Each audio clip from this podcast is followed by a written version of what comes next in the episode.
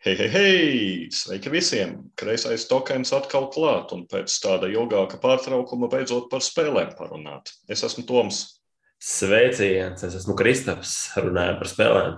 Runājam par spēlēm. Par pārējo mēs jau parunājām martā, un, un, un, un runājot par spēlēm, es domāju, aprīlī gameriem Nu, tā kā beidzot iet vaļā, vai ne? Ar visiem ierobežojumu atcelšanām. Un, Jā. un, un uh, plašākas iespējas beidzot atkal pulcēties baros, parkos, kā putniem, gāju putniem un, un, un bērnu laukumiņos, bet nu, drīzāk jau sēžot kaut kādās iestādēs. Un, un, un tas, ko es varu pieminēt, ka Jaungavas galda spēļu klubs ir atsācis klātienes pasākumus. Um, divas reizes jau pasākumi ir notikuši. Uh, Tā kā visus aicinām ciemos uz Jālgaunu katru otro ceturtdienu no 7 līdz 10 vakarā. Facebookā vienkārši meklējiet Jālgaunas galda spēļu klubiņš un noteikti gaidīsim atkal, kamēr tagad pa diviem gadiem visi atraduši, ja, aizmirsuši, ka, kur, kā, kā mūs atrast, ja var, var sākam atkal laižam vaļā. Tas būtu par iegājis kā. Bet briest arī kaut kas pavisam nopietnāks, un tas jau ir tāds nometņu veidīgs, gone cardboard saucas aprīļa beigās, ja, tā ka tie, kas klausās epizodi aprīļa sākumā, vēl noteikti varat atrast un pieteikties. Gone cardboard meklējiet vienalga Google vai, vai Facebookā latviešu valodā vienkārši galda spēļu nometne, rīko Emīls, ļoti sakarīgs rīkotājs, rīkotašu Kristap atkal Emīls, vai ne? Jā, kurš gan cits Emīls? Jā, un nav, nav jau pirmo gadu Gone Cardboard pasākums, un tiešām tur savācas jau tādi diezgan nopietni gameri. Nu, es teiktu, ka tie, kas klausās kreiso tokenu, nu, viņi zina par Gone Cardboard, bet ja nu pēkšņi kāds nezina, Jā. tad, tad, tad ir tā vērts, un kas ir pats galvenais Gone Cardboards, viņi, viņi ir spēruši vienu soli uz priekšu, viņi tā kā pozitīvus, ja, kas atveda mūzu.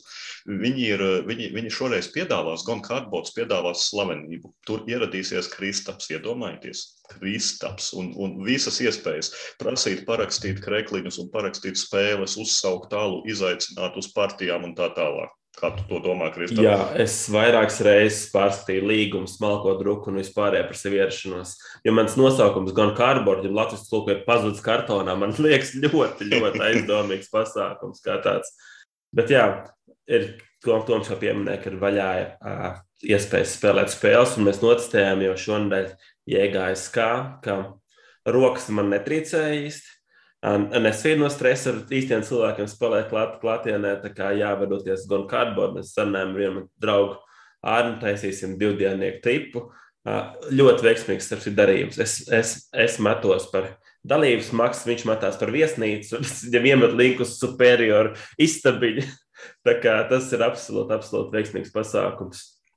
Jā, es saprotu, viņš ir kaut kur cēlus pusē, vai ne? Cēlus pusē priekļos, jā.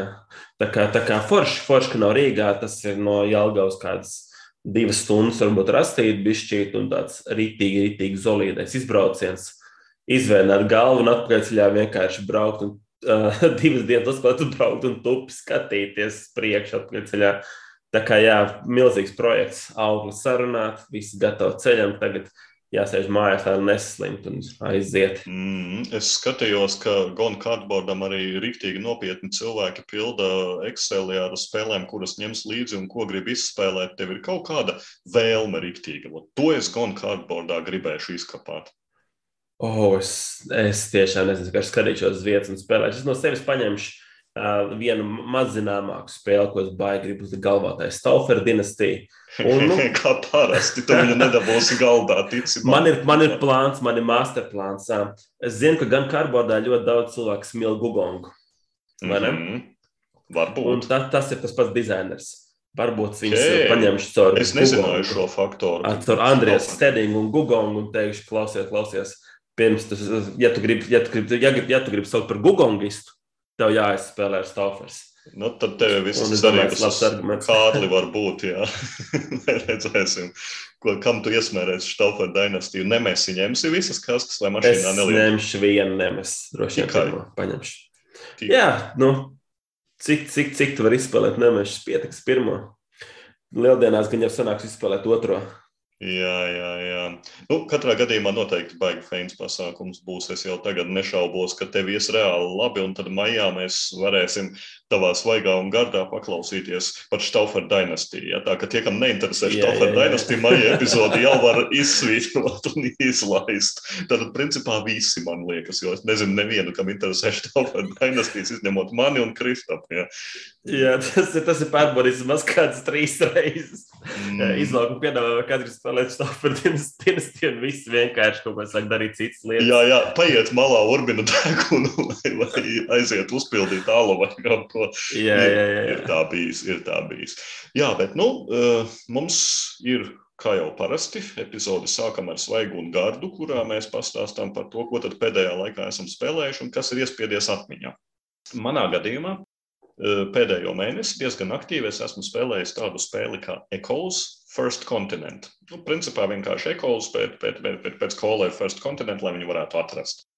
Diezgan populāra vienu brīdi spēle no AEG, izdevēja un uh, ieguva tādu pamatīgu, es teiktu, hotness karsta bija kādu laiku gan Borgēmgī, kā gan apskatnieku vidū, un uh, man reāli interesēja ilgu laiku šo spēli biju noskatījis kā tāds senāks Augustus fans, kāda šai spēlē saistība ar Augustus spēli, to es pēc tam vēl arī pieskaršos. Bet kas tad ir Echoes First Continent? Kas ir tēma? Nu, kā jau vienu reizi ar Kristofu spēlējot, mēs, Kristofs noteikti nojauta, ka mana sapratne par šīs spēles tēmu ir nu, tāda pavāja. Ja? Es nezinu, kas mēs esam, vai mēs esam dievi, vai mēs esam daba, vai kas. Vārdu sakot, mēs būvējam Āfrikas kontinentu. Pavisam elementāri. Katram no mums uh, ir iespēja šo kontinentu veidot no tūkstošiem, pļavām, okeāniem, iedzīvināt tur svērus, likt kalnus. Ja es teiktu, nu, pēc mazliet tāds dievu jautājums, ja? vai arī mēs esam mātes zemes pārstāvji vai vēl kaut kas. Nu, tā ir tā tēma, bet godīgi sakot, es teiktu, ka tā, tā vairāk vai mazāk šis ir bez maz vai, manuprāt, abstrakts. Atšķirība ir tikai tā, ka komponenti ir tik labi nu, tiešām smalki komponenti, ka šo tēmu sit cauri tas, kā spēle izskatās. Jo kalni tiešām ir īsti 3D kalni, koki ir koki. Ja? Nu, dzīvnieki, dzīvnieki nav tik forši, dzīvnieki ir vienkārši aplīši kartona, bet, bet, bet šie elementi, kurus izmanto dabas spēki, lai būvētu Āfriku, tie ir uh, riktīgi cieti koka plāksnītes, kuras velk no maisa.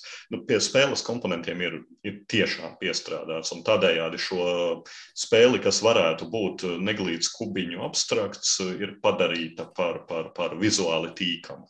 Mehānismi. Kā tad vispār tā Āfrikas būvēšana strādā? Jo tā kā neviens no mums nav bijis klāt tajā brīdī, kad Āfriku radīja un salika tur visus uh, gorillas, degunražus, kalnus un sazina kādus vēl zvērus, tad, tad, tad uh, ir jāsaprot mehānismi.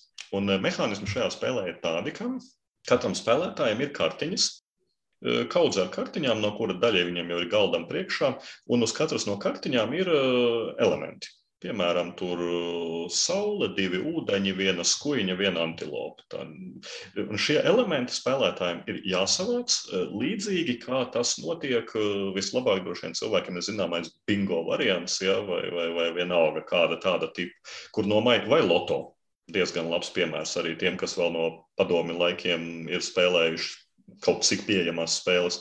Viens spēlētājs no maisiņa vēl kā ārā elementus, tur iekšā ir ap 30 dažādi elementi. Nevis 30 dažādi, bet ap 30 plāksnītes ar dažādiem elementiem, un kopā tur, teiksim, ir desmit dažādi elementi, daži biežāk sastopami, daži nē. Attiecīgi, viens velk no maisiņā ārā šos elementus un nosauc visiem saulīte, Un katrs spēlētājs paņem un vienu no saviem enerģijas kubiņiem uzliek uz kādas no savām kartiņām, mēģinot to kartiņu aizpildīt. Tad, kad kartiņa ir aizpildīta, tad ir skaļā balsī jābļauj ekos. Un uh, pēc kārtas vienkārši visi spēlētāji izpilda savas aizpildītās kartiņas. Un tur var būt jebkas. Piemēram, uzlikt, galda, uzlikt uz galda divus kalnus vai arī nolikt vienu lauvu un lauva apēd blakus lauciņā vienu antilopu.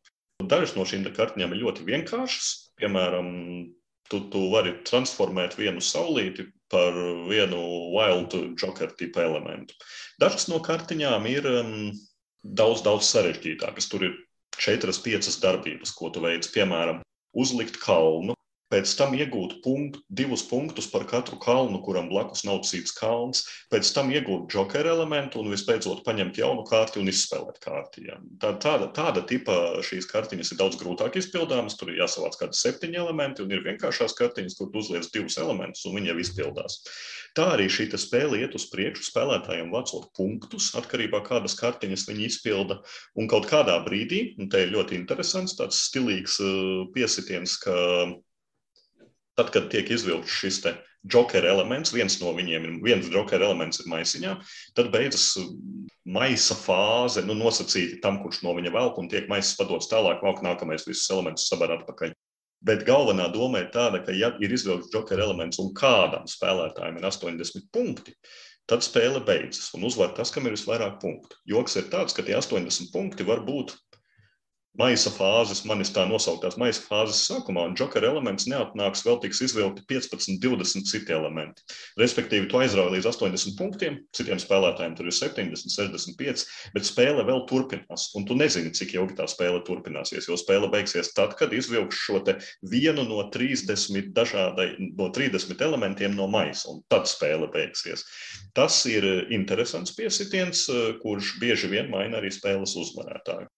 Kas tad ir tā kopējā man verdikts par, par eh, Eco's First Continent? Pirmkārt, noteikti to ir jāsalīdzina ar Augustus. Eh, ļoti populāra spēle bija 11. gadu sākumā, precīzi neatceros, no līdz 2013. gads tas bija. Eh, pēc tam kad šo augustus spēli pārizdeva Amerikā, tad uh, americentriskais board game geeks šo spēli pārsauca par Rise of Augustus. Tātad, ja jūs gribat meklēt, tad ir jāmeklē pēc Rise of Augustus. Man liekas, ka var atrast arī pēc Augustus, ir tas kā viens no nosaukumiem. Bet nu, es to spēli pazīstu kā Augustus, un tā ir spēle ļoti līdzīga mehāniski, bet daudz, daudz vienkāršāka par romiešu leģioniem, kurus uh, krāmē tāpat uz kartiņām, izpilda kartiņas, dabū kaut kādus punktus. Tā ir daudziem pazīstama Latvijā spēle diezgan populāra bija. Ja es nekļūdos, tad Braingames viņu tirgoja, vai, vai tad vēl bija Ludo, grūti pateikt, veikalos. Tātad tas ir zināms. E, noteikti nevar teikt, ka ekols ir e, Augustus klons vai, vai, vai kaut kas tuvs, jo ekos ir daudz sarežģītāks.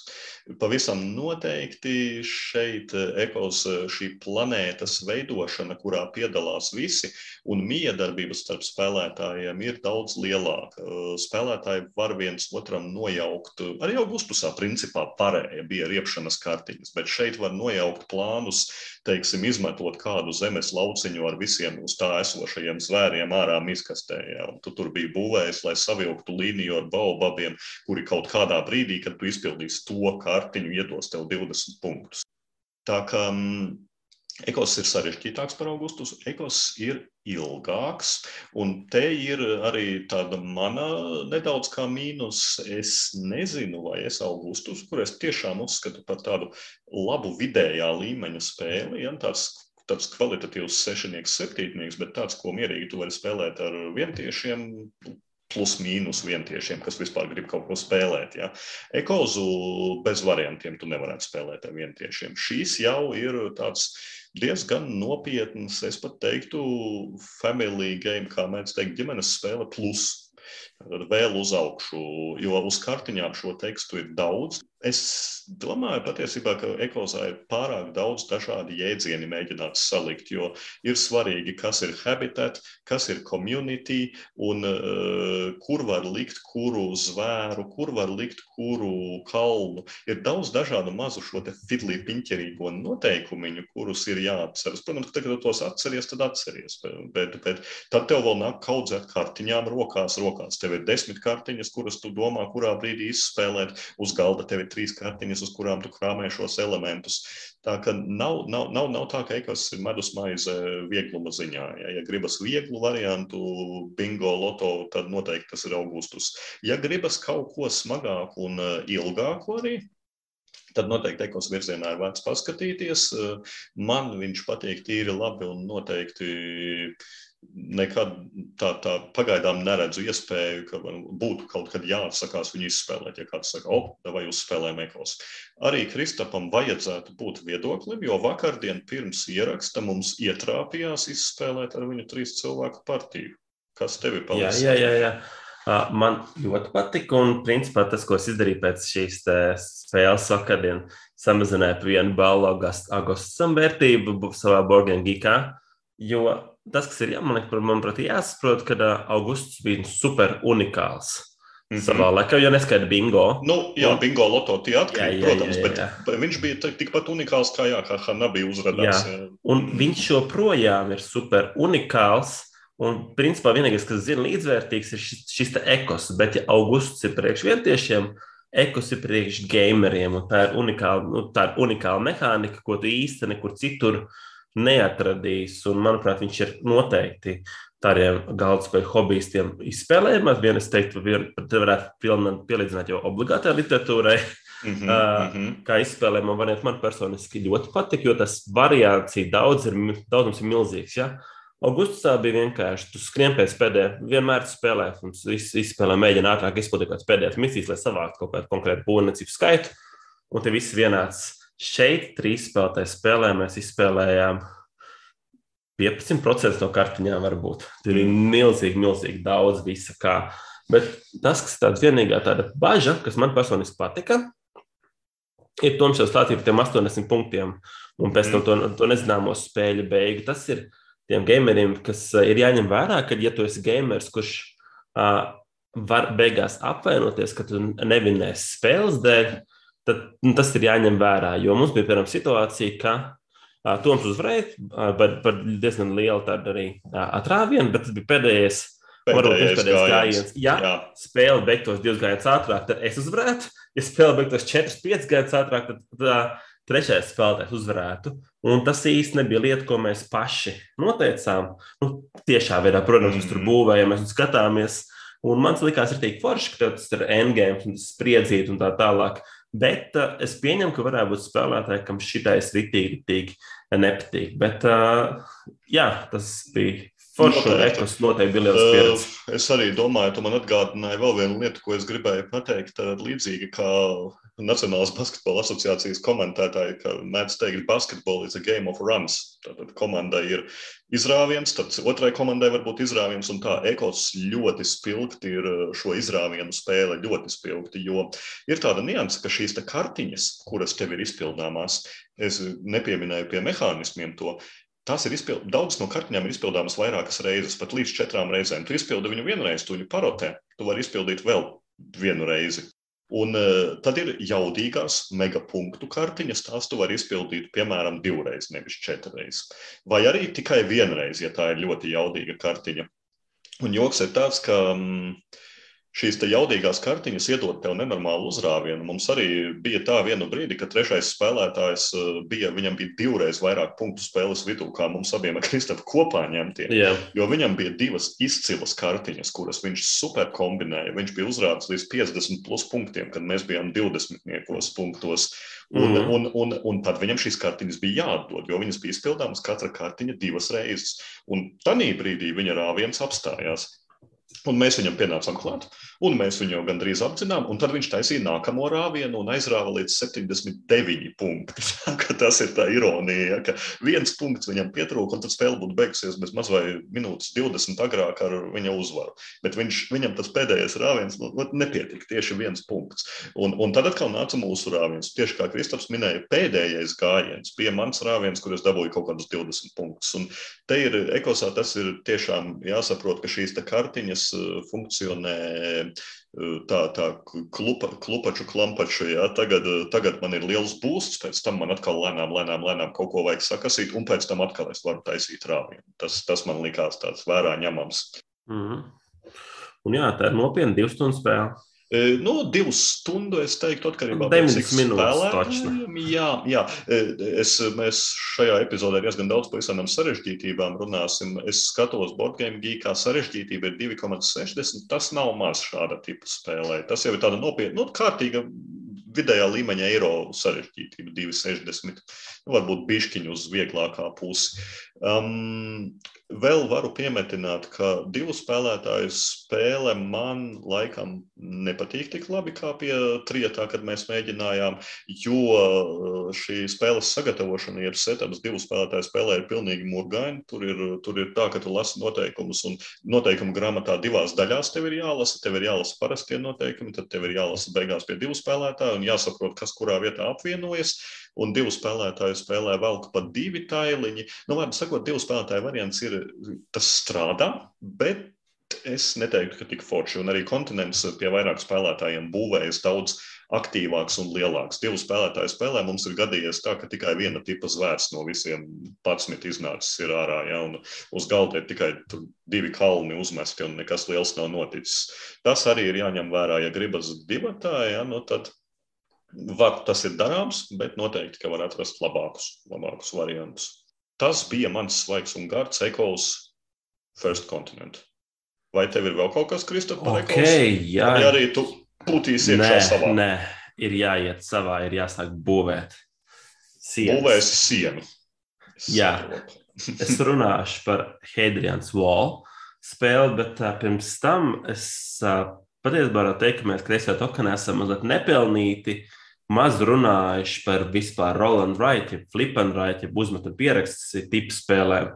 Es nezinu, mums kaut kad bijušas ir svaigs un gars. Man liekas, ka pat nav nereiz. Tā kā neapsaros, jā. Mm. Jā, klausītājiem es iedošu ļoti, ļoti īsu kursu, lai jūs saprastu, kur ir Roland Wright, flip and write spēles kā tādas. Tā ir spēle, ko uzmet un pierakstu saķēpā un met projām to visu lauciņu kā tādu. Un, lai to vieglāk latviešu klausītājiem sagramot, es to pielīdzināšu hokejam. Tur gal galā tuvumā ir hokeja čempionāts un tā tālāk. Un Rolandam ir viss ļoti vienkārši. Ir super jaudīgās spēles, kas ir tik spēcīgas kā Kanāda, Zviedrija un Somija, kas ir citā līgā. Nu, vismaz no tām komandām, kas vēl nav izmestas ārā no Hokeja federācijas. Mm. Tas ir, manuprāt, tas ir ganšam clevers. Visas trīs daļas ir super spēcīgas, līga augstāk un nenormāli, nenormāli jaudīgi. Tad nāk tādas spēles kā kartogrāfa, Welcome to, kas ir kā, manuprāt, Slovākija, Vācija vai Latvija, kas ir spēlējami ļoti forši, bet nu, nav ne tuvu izcilībai. Un tad nāk tādas spēles, kur mētājās tām divīzijām, piemēram, ienāk uz sezonu, augstākā divīzija, pēc tam atklāt atpakaļ. Tā tālāk, manā skatījumā, tas kaut kas tā kā One Two, On Tour vai Korinta, kas ir fini. Paskaties, tad ir noliec akaļ plauktā. Un tad ir vesela čupa spēle, kas ir jau no BCD divīzijām, kas vispār nezina, kas tās par valstīm un tā tālāk. Manā gadījumā tas ir silver un gold, varētu būt kaut kāda Portugāla hokeja un tā tālāk. Un jautājums lielais šodien, kur īsti, kurā no šīm divīzijām ir Hadrians Wall un kas tāds ir? Mm. Vai ne? Noteikti labs jautājums. Jā, un šeit ir tā mazā kreisā tokena vēstures stunda, jo, uh, surprise, surprise, Trumps nav pirmais. Kas gribējis būvēt sienu par, par visu valstu pāri. Ir ķīnieši to mēģinājuši pret mongoļiem, ir vikingi pat būvējuši to sienu uh, Dānijas dienvidos pret ģermāņu tautām. Un romieši arī ļoti cītīgi, kad viņi bija okupējuši Lielbritānijas salu un būvējis uh, sienu, lai pikti no Skotijas nenāktu iekšā un likt viņiem mierā. Man liekas, ka tas bija pret White Walkeriem, ne? Pret Skotiem tomēr. Ja? nu, pēc, pēc tam vēl tā uzņēma filmas ar puķiem par to visu tieši tā. Um, un Šo mēs varam runāt ar spikti, vai, vai, vai pikti ir pikti, vai vienkārši skoti ir pikti. Tāpēc viņi nāk iekšā. Bet es, es apsolu, tas mans pēdējais pikti joks šodien. Uh, nu, lūk, um, un jā, un Hedrians vēl ir par to, ka būvē šo sienu. Un pats spēle ir tā, par šo tematiku. Un viņi galīgi arī zonlīdā tēlojas uz divām lielām papīra loksnēm. Tiešām, tiešām lielām, iedomājieties, standarta galds vai galdu. Spēlē var spēlēt sešas spēlētāji, bet sešas spēlētāji pie galda nav vietas. Četri jau tur arī jau sarunājas, jo viss, kas ir aizņemts, ir liels, salīdzinoši liels papīra lokus, kur tas krāmēt ciet, zīmēt ciet un lietas virsū. Um, um, un, principā, ne, tas, ko dari, tu zīmē ciet, zīmē ciet un dabū resursiņus kā tādus. Nu, lūk, un tas, kas jādara, ir viens, viens lokus, ir pati siena, kur ir kreisais, vidējais un labais flanks, kas ir jānobruņo, kas ir jābūvē. Un pamazām jāuztur tā siena ar dažādām noliktavām un tā tālāk. Un labajā pusē ir visa romiešu dzīves sienas. Sākot ar teātriem, gladiatoru cīņām, beidzot ar tempļiem un pat vannām. Tad viens smieklīgs mehānisms par vannām, pie kuras atgriezīšos.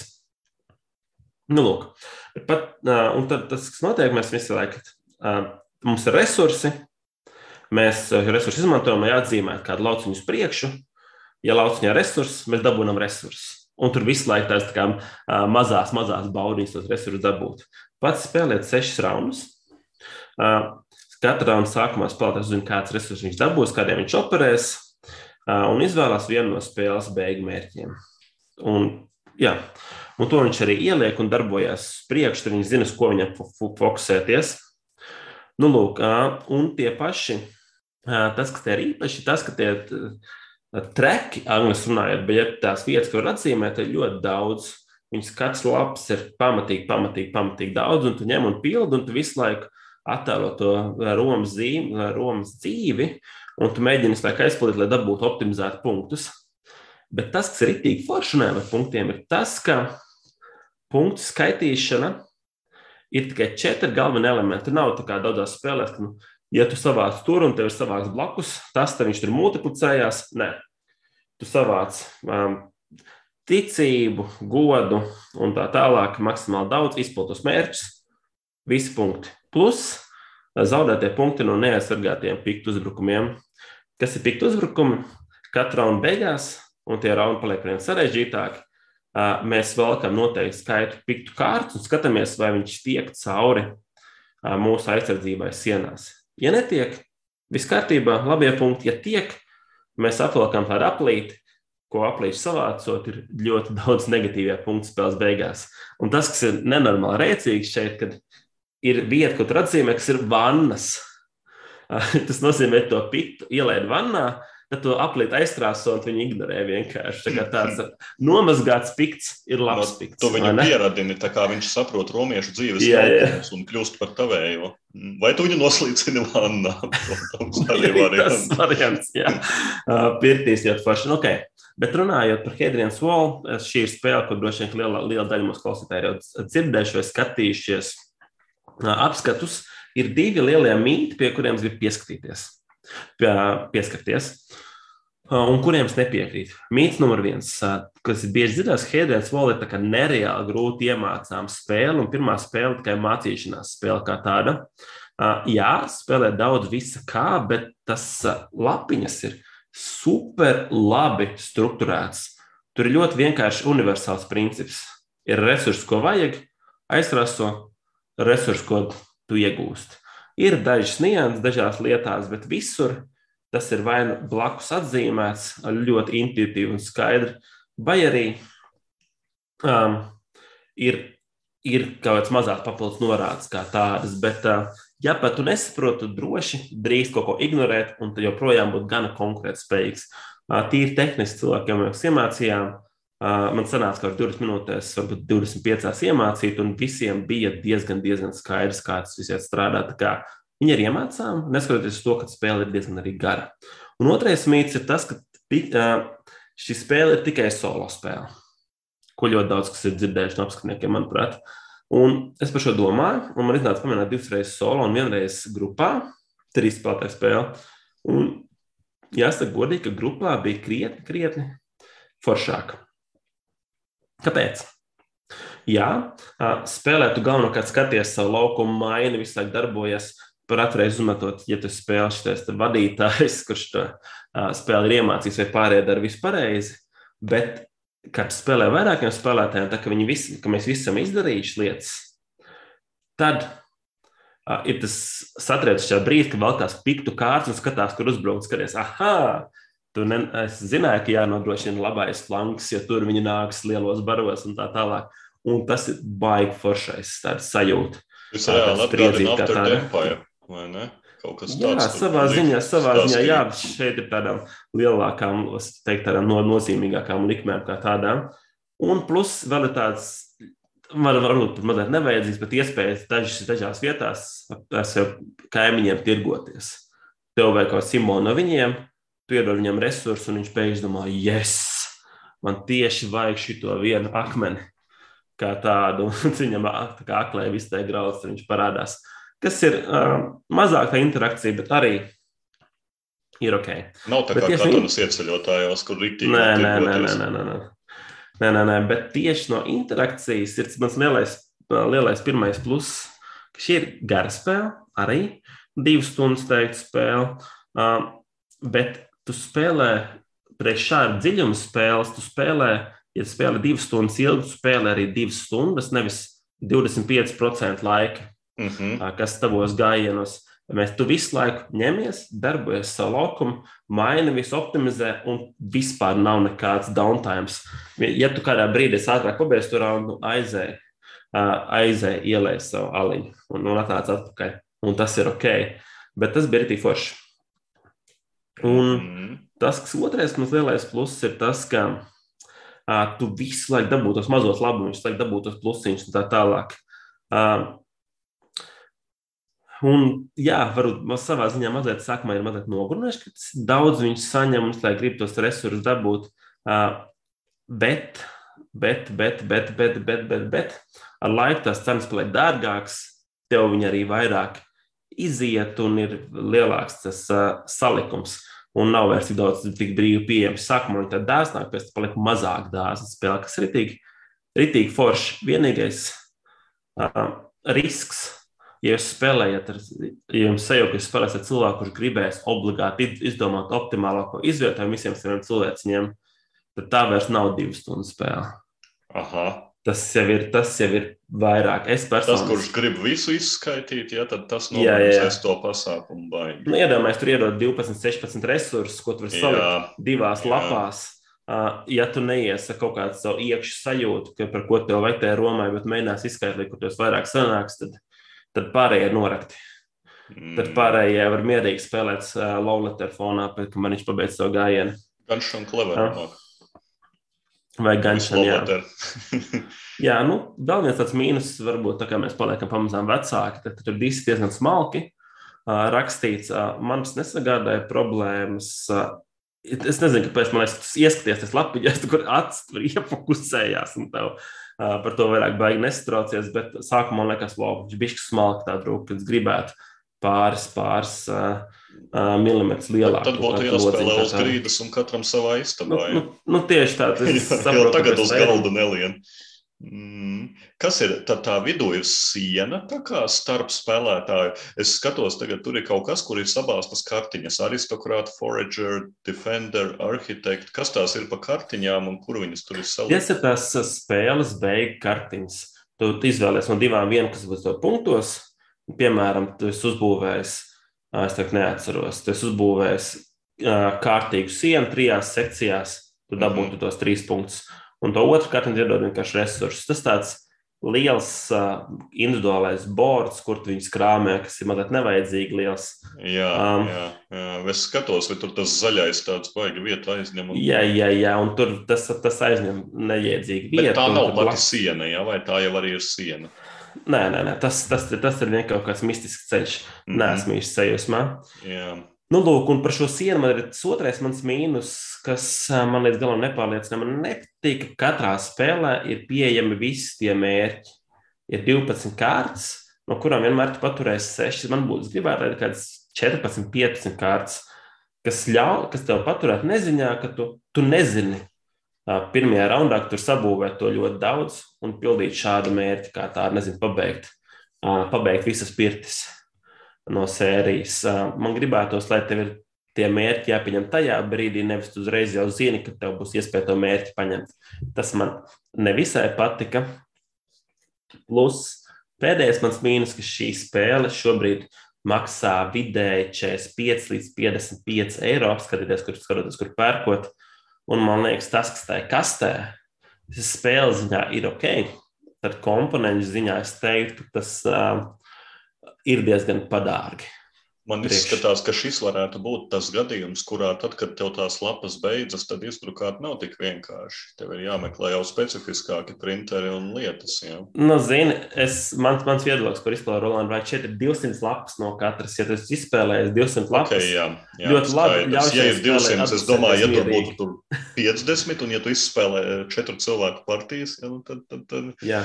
Joks ir tāds, ka tas Hedrians vēl kaste, viņa ir reāli smaga. Viņa ir pilna ar makulatūru. Tur ir tas 400 lapas, 200 no katra veida, tur ir tie žetoni.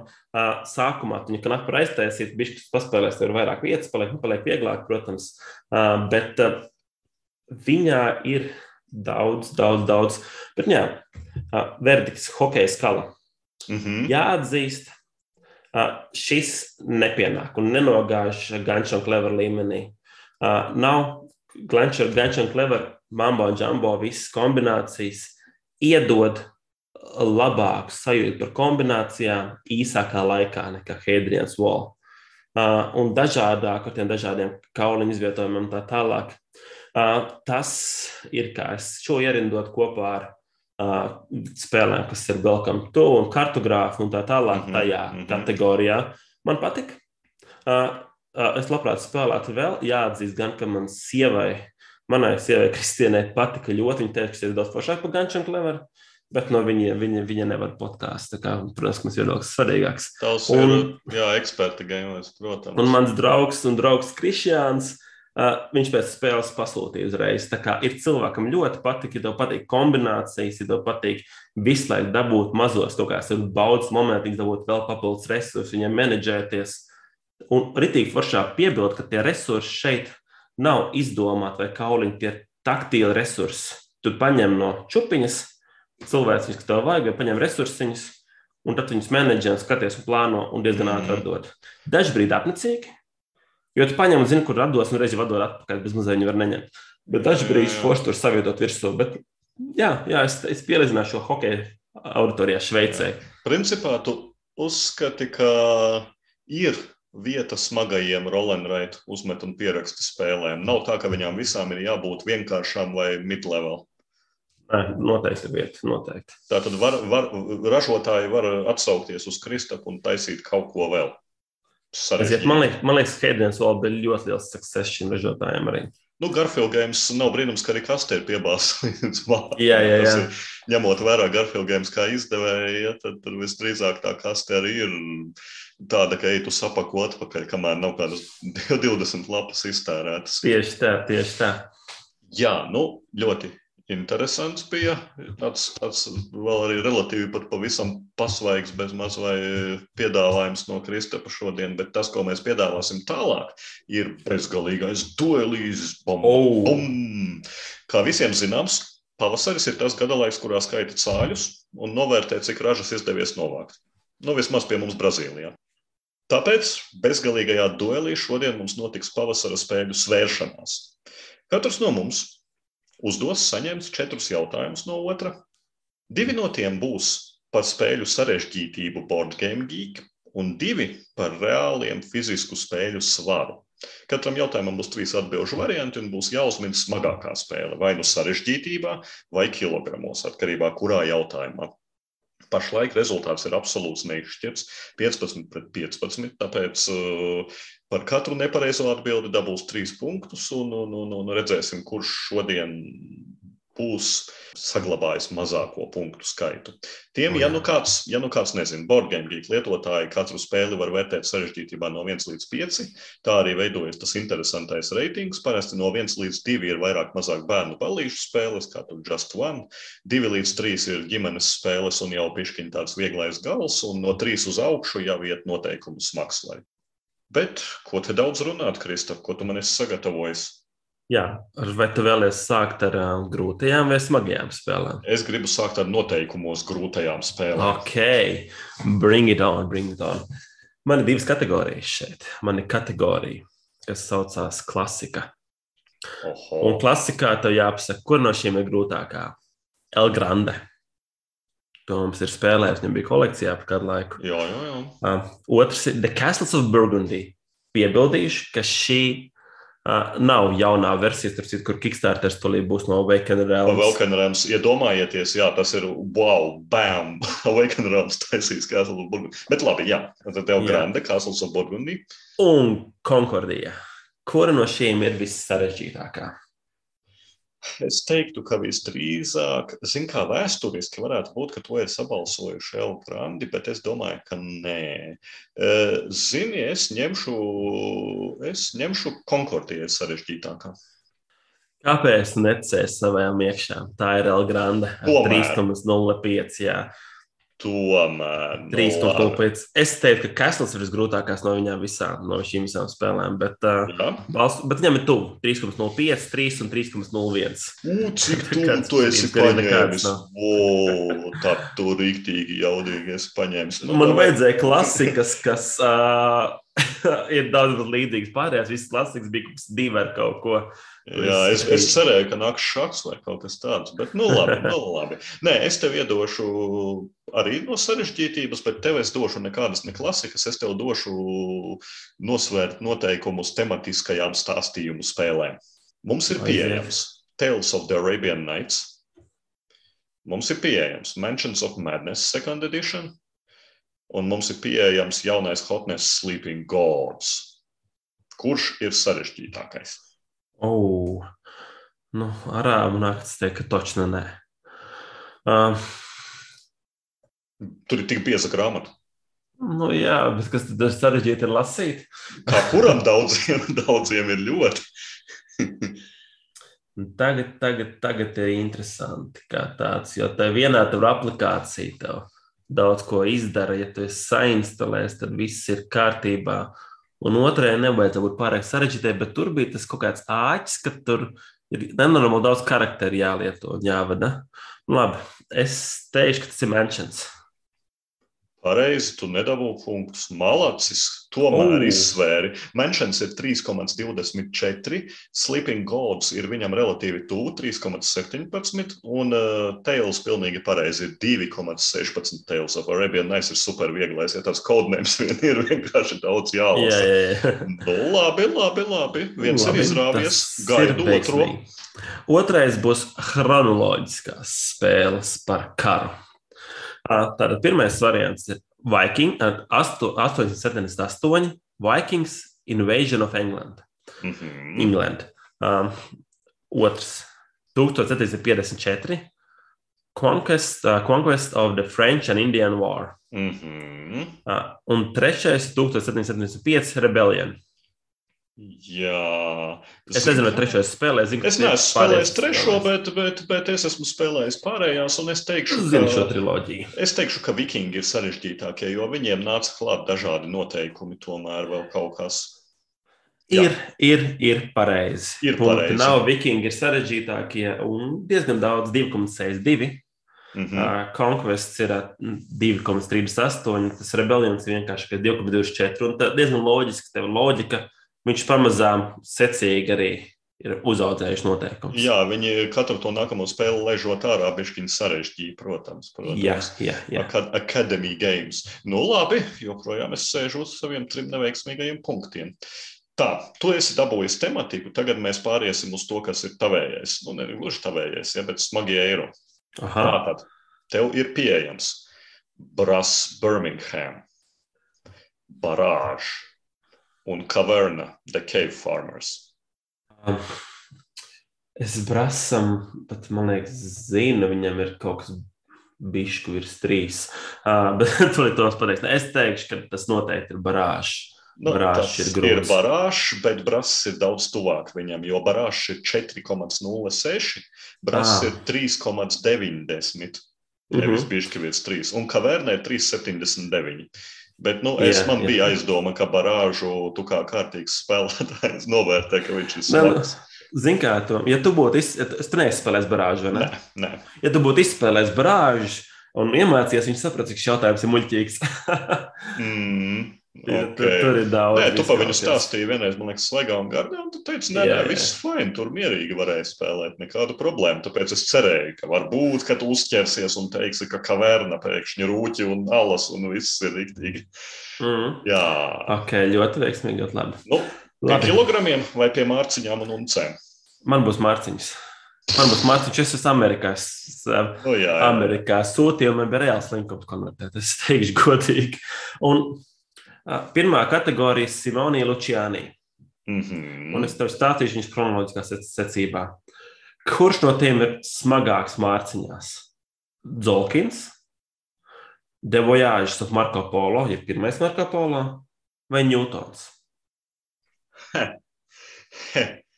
Tā, Ņūtons nav smags. Neticu.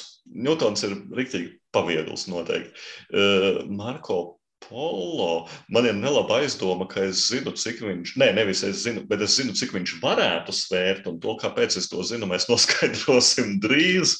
Bet, bet, bet uh, Calkins, redz, kā ir Calkinā tie plastmasas ripuļi, viņi jau neko nesver, un tie galvas kausi plastmasas arī nesver. Es teikšu, bet, nu, ja nu tomēr, tur ir arī kartoniņi. Tie kartoni nemaz nav tik daudz. Vojāžos es teikšu, ka Voyages of Marko Polo. Ir pareizi, ir pareizi. Dzolkins ir visvieglākais. Jā, jo tur ir Ā. plasmas, vai ne? Mm. Jo Vojages Marko Polo ir daudz koku. Ļoti daudz tur ir kamieļi, visādos izmēros, maisa, visādos izmēros. Jā. Ā, Viņš ir 3,96 mārciņas. Nopietni? Ah, mārciņas. Ok, 3,9 Pounds. mārciņas. Jā, jā, jā. Tad, tad, Tad ir Ņūtons, 3,25. Un Zolkins bija. Zolkinam tiešām tā ir diezgan tukša kaste, bez paplašinājumiem kā tādiem. Tas ir 2,2. Jo tur ir bordi, um, tie laukumi, prastie mazie klucīši un mazi ripulīši. mm, Kā tāda, tur nav nekā daudz. Nu, jā. Pārbaudīsim, kā to es paveicu mājās darbā, izstaigājot veikalus un pacilājot rokā dažādu spēļu jaunākos izdevumus. Mums Aiziet. ir pieejams Great Western Trail jaunais izdevums, Egeršpīla, Marko Polo 2 in the service of the Khan un Dominion Second Edition. Tā. Zinu, kas ir stulbi, kad es Dominionā skatījos, cik viņš var, bet es neatceros. Tā, nu, tu tāpat zinātu, Um. tikai māciņās. Tā, tas tev baigi nepalīdzētu. Tāpēc arī Marko Polo tev neko īpaši es nepalīdz. teikšu, ka šis ir Marko Polo rauns, tas ir Marko Polo. Iedomājies, nē, tas ir Great Western Trail. Divu layer board. Uh, Ah, Great vienmēr Western iegājuši. Trailā ir eh, 2,28 kg. Marko. Polo 2 ir 1,9 kg. Un Dominions ir tikai 1,36 kg, lai cik tas dīvaini nebūtu. Mhm, mhm, mhm. Tā kā beidzot mēs pielīdzināmies. Bet nu, līdz šim mums iet neticami labi. Tādi eksperti. Nu, vēl viena eksperti. iespēja man ir iekrist, un tev arī.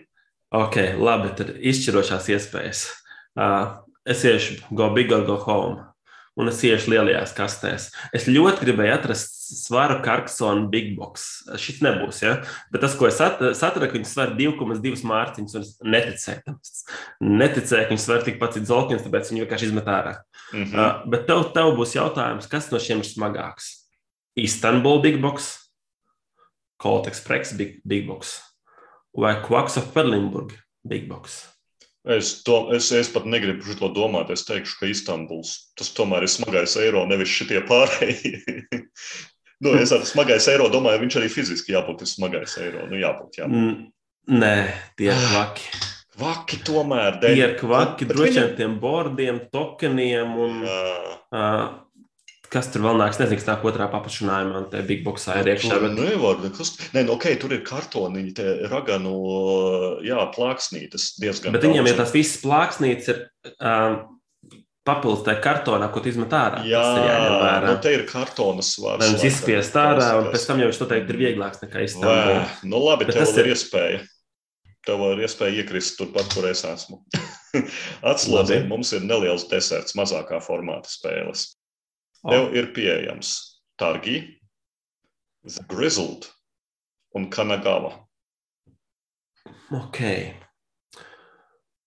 Bācis, targi ir viltīgs, un viņš citādākas. Citādākus, bet targi ir tikai kārtis. Tur nekā nav.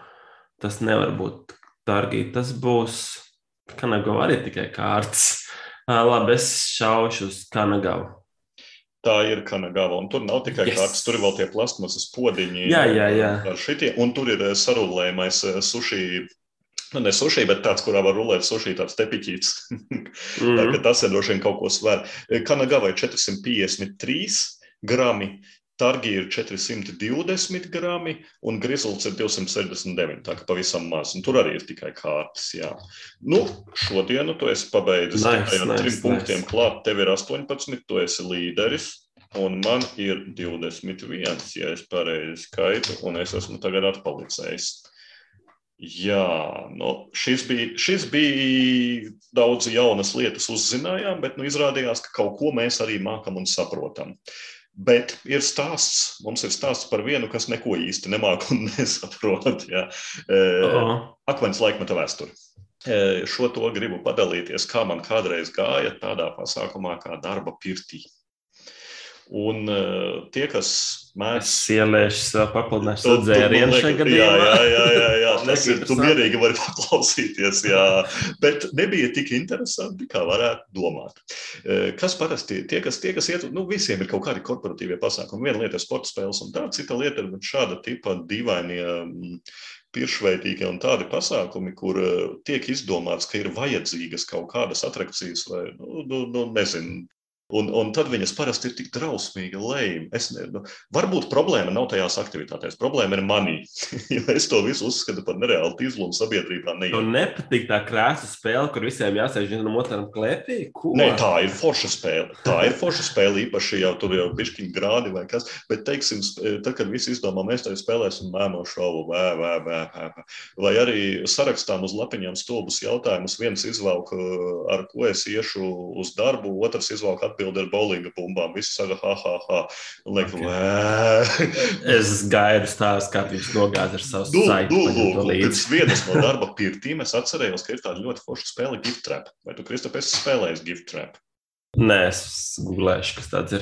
Jā, nu, gifttrap ir dāvanu, dāvanu dāvināšanas spēle un dāvanu saņemšanas spēle, kur ir pieejama. Visiem patīk dāvanas, ja, un ir pieejamas dāvanas, un tu vienkārši visiem pārējiem spēlētājiem dāvini dāvanas un izvēlies, kuras dāvanas tu gribi saņemt. Ja tu māki gan dāvināt, gan saņemt, nu, tad tu, tu ej uz priekšu pa diviem trekiem, un beigās, ja tu satiecies dāvanu atpakota, dāvanu aizpakota, tas arī uzvar.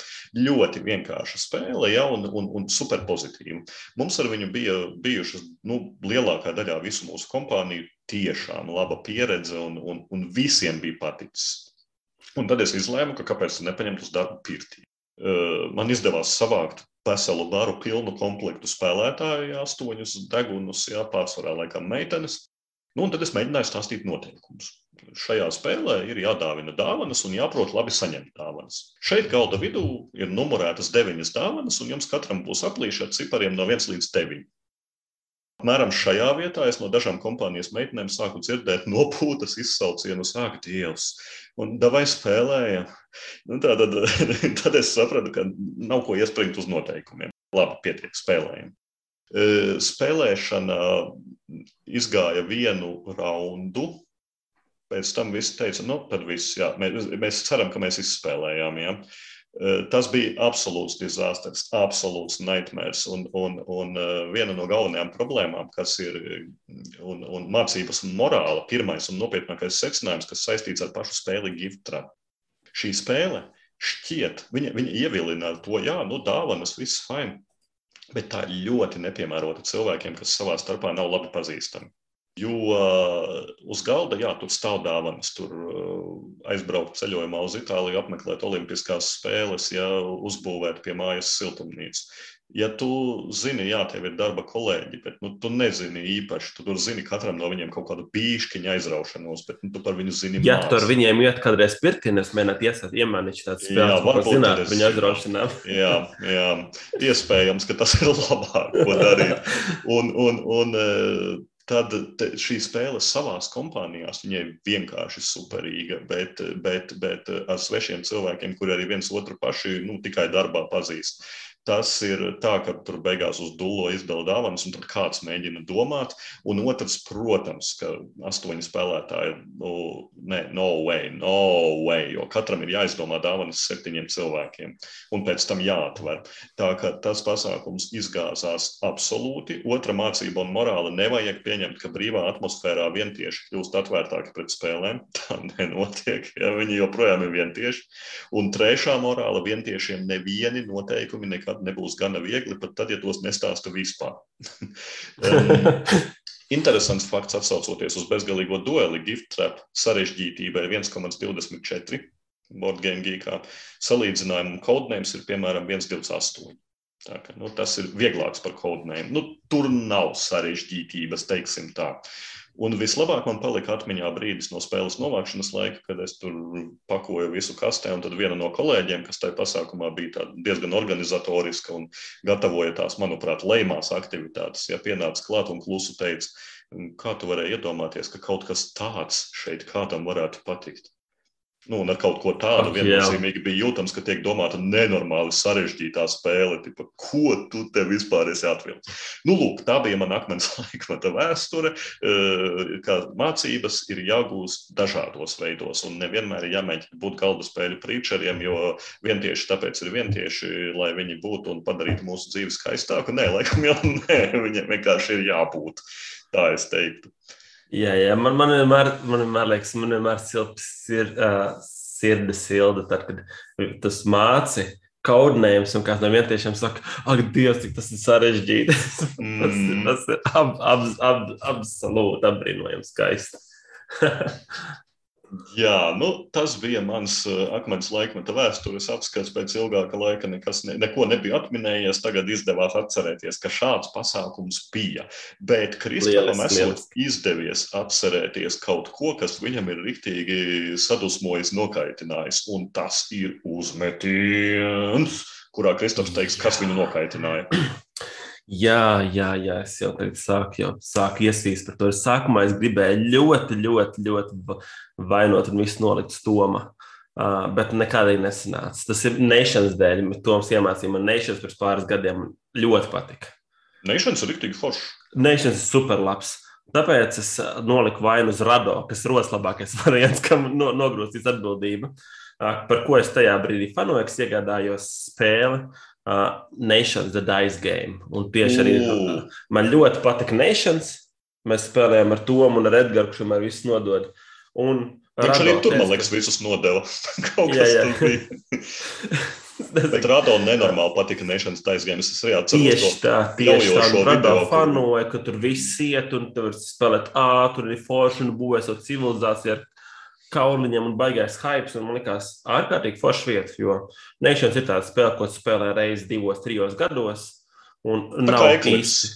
Jā, nav īsti vajadzīgs, lai būtu kolekcijā. Visticamāk, nākamreiz viņi tāpat spēlēšu kaut kad ar to un mācīšos pilnīgi no jauna. Mm -hmm. Bet, ja Nations aizgājuma ir tik laba, jā, uh, un ar incidentiem elementiem uzbūvēt to simetriju, arī to pašu uh, civilizāciju ar asimetriskām vēsturiskām civilizācijām, tā tālāk, izmantot metamos kauliņus īsā laikā, radā ļoti patīk, liekas, super ir labs deals.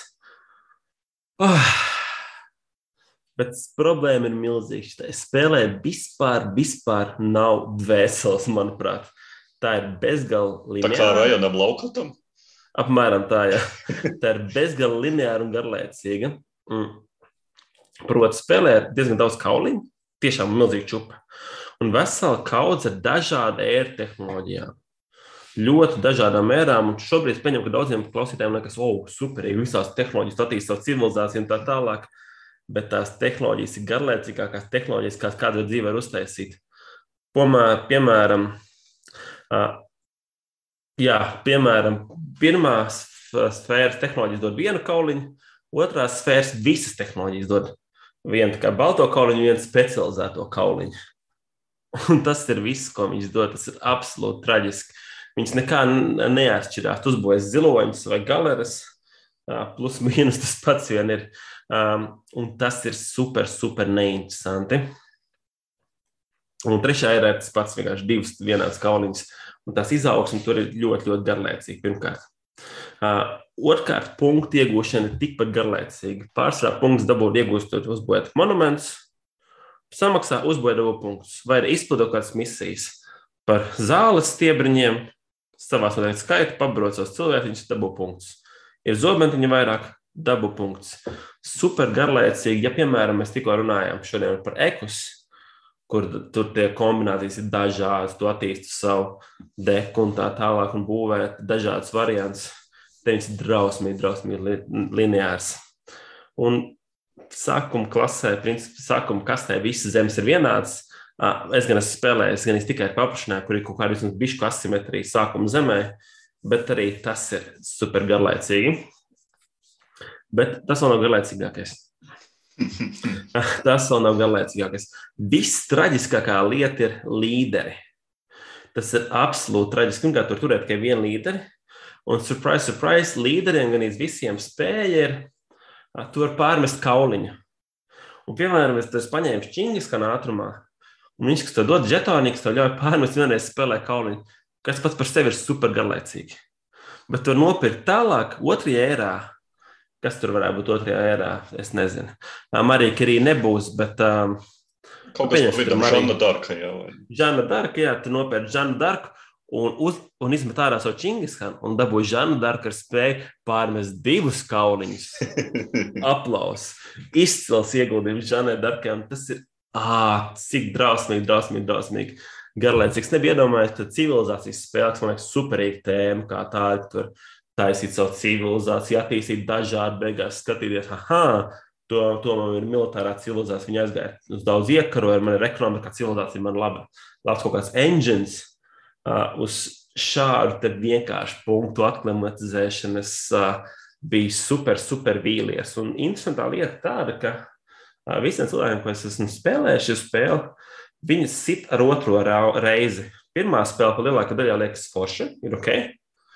Bet līdz ko tu spēlē vēlreiz, tu saproti, ka tas vienreiz spēlējumā spēlē. Tas otrās reizes ir milzīgs kritiens un milzīgs garlaicīgs kritiens. Par laimi, no viņas atbrīvojies, bet jā, Tas bija tāds liels uzmetiens, kas ne tikai padarīja man sliktu Nations daizgājumu spēli, bet arī atvēra man acis par rado, ka viņam nevar ticēt. Nekad. Drīzāk to skatīties, kad ticēji, ka tev būs uh, autostā pienāks, ka pados pulkstenis no zelta, nekā tas, tam, ko saka Rados, ka viņam patīk spēles. Tā kā jā, jā, jā uzmetiens noteikti aizgājumu. Jā, es nezinu, vai tu mani pieskaitīji pie tiem otrs sitējiem vai nē. Bet, es zinu, bet, tas spēlēs. Es atceros, jā. tā, kad es izspēlēju, aizdevu to mums spēli. Jā. Viņam patīk pēc pirmās spēles, un pēc tam viņš man atdeva atpakaļ. Jā, un tad es to devu atpakaļ. Nu, man, ir, man ir līdzīgs stāsts, un šis tiešām bija uzmetiens, jo mēs viņu spēlējām ar Kristapu, un man pirmajā reizē viņš reāli patika. Es liku, man liekas, astoņi vai kaut ko tādu, un es vēl aizņēmos uzspēlēt, un tad es pāris reizes uzspēlēju mājās. Un, un es saprotu, ka tu dari tieši to pašu, ko visās iepriekšējās partijās. Ja? Nekas nav mainījies. Eh, pat kauliņu krāsas iet bez mazliet tās pašas, tiek izmantotas secīgi. Eh, tā kā jā, es pilnīgi piekrītu, ka sākot ar otro reizi, nu, vēlākais ar divu ar pusi, no nu, trešajā reizē, kad tu spēlē, tad jau liekas, ka tai spēlē vairs nav nekā, jā. ko tev dot. Pilnīgi. Un, Tas, un, ap... Jā, jā. Tas apbrīnojami, cik customizable, ja unikāls kauliņš ir uztaisīts galēcīgs. Mm. Tā ir tik daudz foršas spēles ar unikāliem kauliņiem, kas varu kombinēt un taisīt un ņemies. Viņš ir tik ļoti pretēji tam visam.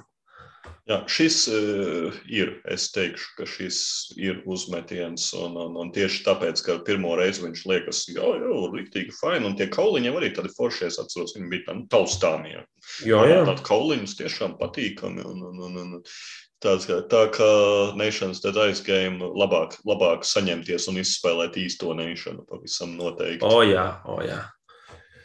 Bet tas, ko vēl vairāk vajag saņemties, ir pasist padusē šaha dēlīti, maisiņo šaha figūrām un iet uz diseni. Mums ir klāt kreisais top 5, padum, padum, padum. Tautai mazāk zināms, bet ļoti labas spēles. Tā mēs šo raksturojam. Vai arī vienkārši netika populāras spēles. Tā kā tieši uh -huh. sasiena, sasiena bizes, pasit pladusē šaha dēlīti un iet uz Kalmetas kultūras namu paralēli stūrīti kaut ko uzspēlēt. Tas ir man tā kā es ar stāvu izkrīšos, gan kārboru. Jā, jā, jā, jā tieši tāds tu būsi. Tieši tāds tu būsi. Es tagad domāju, no nu, kā, kā, cik tev bija viegli un pēc kā tu taisīji šo topu.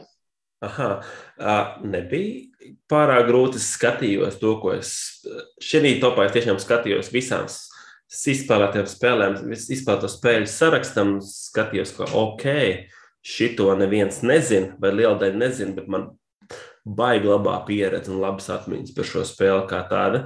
Plus es izņēmu ārā dažs, kas būtu topā, bet par ko mēs esam runājuši kreisajā tokenā. Mm -hmm. Es to teikšu par mm -hmm. pieminējumiem, jo vienkārši loģiski, ka tas runājas kreisajā tokenā. Jā, viņš jau viss tirgus ir izpildījis. Nu, viņš jau ir. Zina. Tieši tā. Tad, tad mm. viss viņas jau vairs pats reprints ne, ir izpirkts nākamais no kreisā tokena faniem. Par to šaubu nav. Kā tu, es domāju, kādā veidā vislabāk būtu bijis viņas saranžēt, jo es savas beigās saranžēju pēc Boardgame Geeka rankinga, sakot no augstākā uz zemāko. Nevis pēc labuma, bet tieši pēc rankinga, jo, manuprāt, viņas visas ir diezgan atšķirīgas manā gadījumā, vai tu liki pēc labuma? Es liku to, kas man likās foršāk. Mm -hmm, mm -hmm, mm -hmm. Ok, labi. Nu, kas tad ir tie pieminēšanas vērtie? Jā, es pieminu uh, kooperatīvo spēli Apocalypse Chaos. Chaos. Jā, to runājis. Chaos, uh, par ko es runāju, kas ir ļoti unikāla kooperatīvā programmēšanas spēle, kas forši Vanuatu, kas noteikti būtu top trīniekā, kas ir super krāšņa. Uh, spēle par. Uh, mēs tikko runājām, man liekas, Vanuatu sauku, mēs tikko runājām, un tas ir vispār nav, nav pieejams. Es ieliku arī Lamaland. Kas nav zināms, bet kas es domāju, ir... ka nu jau viņš ir diezgan dizainera dēļ, vai ne? Mm -hmm. Viņu... Un es pieminējumā ieliku Dīmakaru.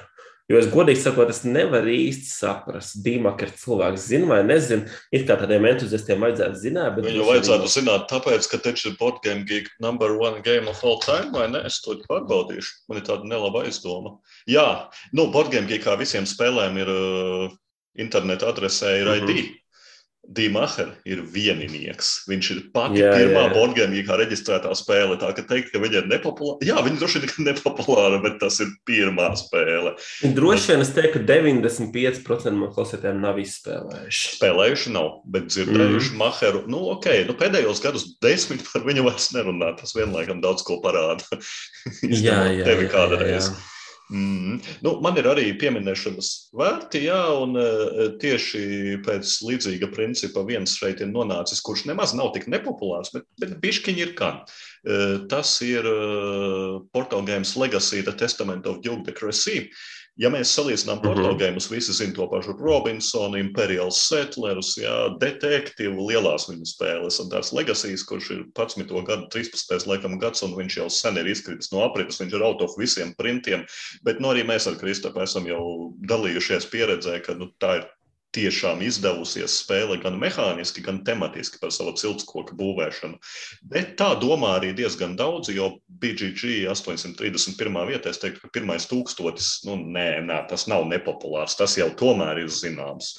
Viena vēl pieminama lieta noteikti ir The Ancient World. Vienalga vai second edition vai jaunais vai, vai, vai pirmais editions, tas ir no Raina Laukata, Red Raven Games, un viņam ir daudz populārāk. Visi zina Near and Far, protams, tagad Sleeping Gods, vairāk Above and Below, arī tad bija tā deckbuildera spēle bija populārāka. Ancient Worlds nav no Raina Laukata populārākajām spēlēm, bet tas ir tiešām uh, cienījams uh, strādnieku izvietošanas spēlē arī ar uh, šo kolekcijas veidošanas, kāršu, kāršu krāšanas tematiku un, un, un, un, un ar ļoti interesantu tēmu. Tāpēc Ancient Worldam es ieteiktu pievērst uzmanību. Tas ir 1513. Board Game Geekā. Uh. -huh. Un vēl viena, ko es noteikti gribu pieminēt, ir viena no Days of Wonders nepopulārākajām spēlēm. Tas ir Relic Runners arī tāda diezgan saudabīga spēle, kurai Zīgars Sija, kad iznāca, teica, ka tas būs nākamais tikai turēts. Nu, kā redzams, ar Zīgars Sijas vārdu tomēr nepietiek. Vismaz tad nepietika.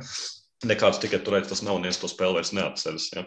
Tā kā mm, Relikranēs ir interesanta džungļu tematikas uh, spēle, kur tu skraidi pa džungļiem un izlaupi tempļus. Varbūt mūsdienās tādu vairs nevarētu izlaist. Droši vien, ka tur noteikti kāds tiek aizvainots.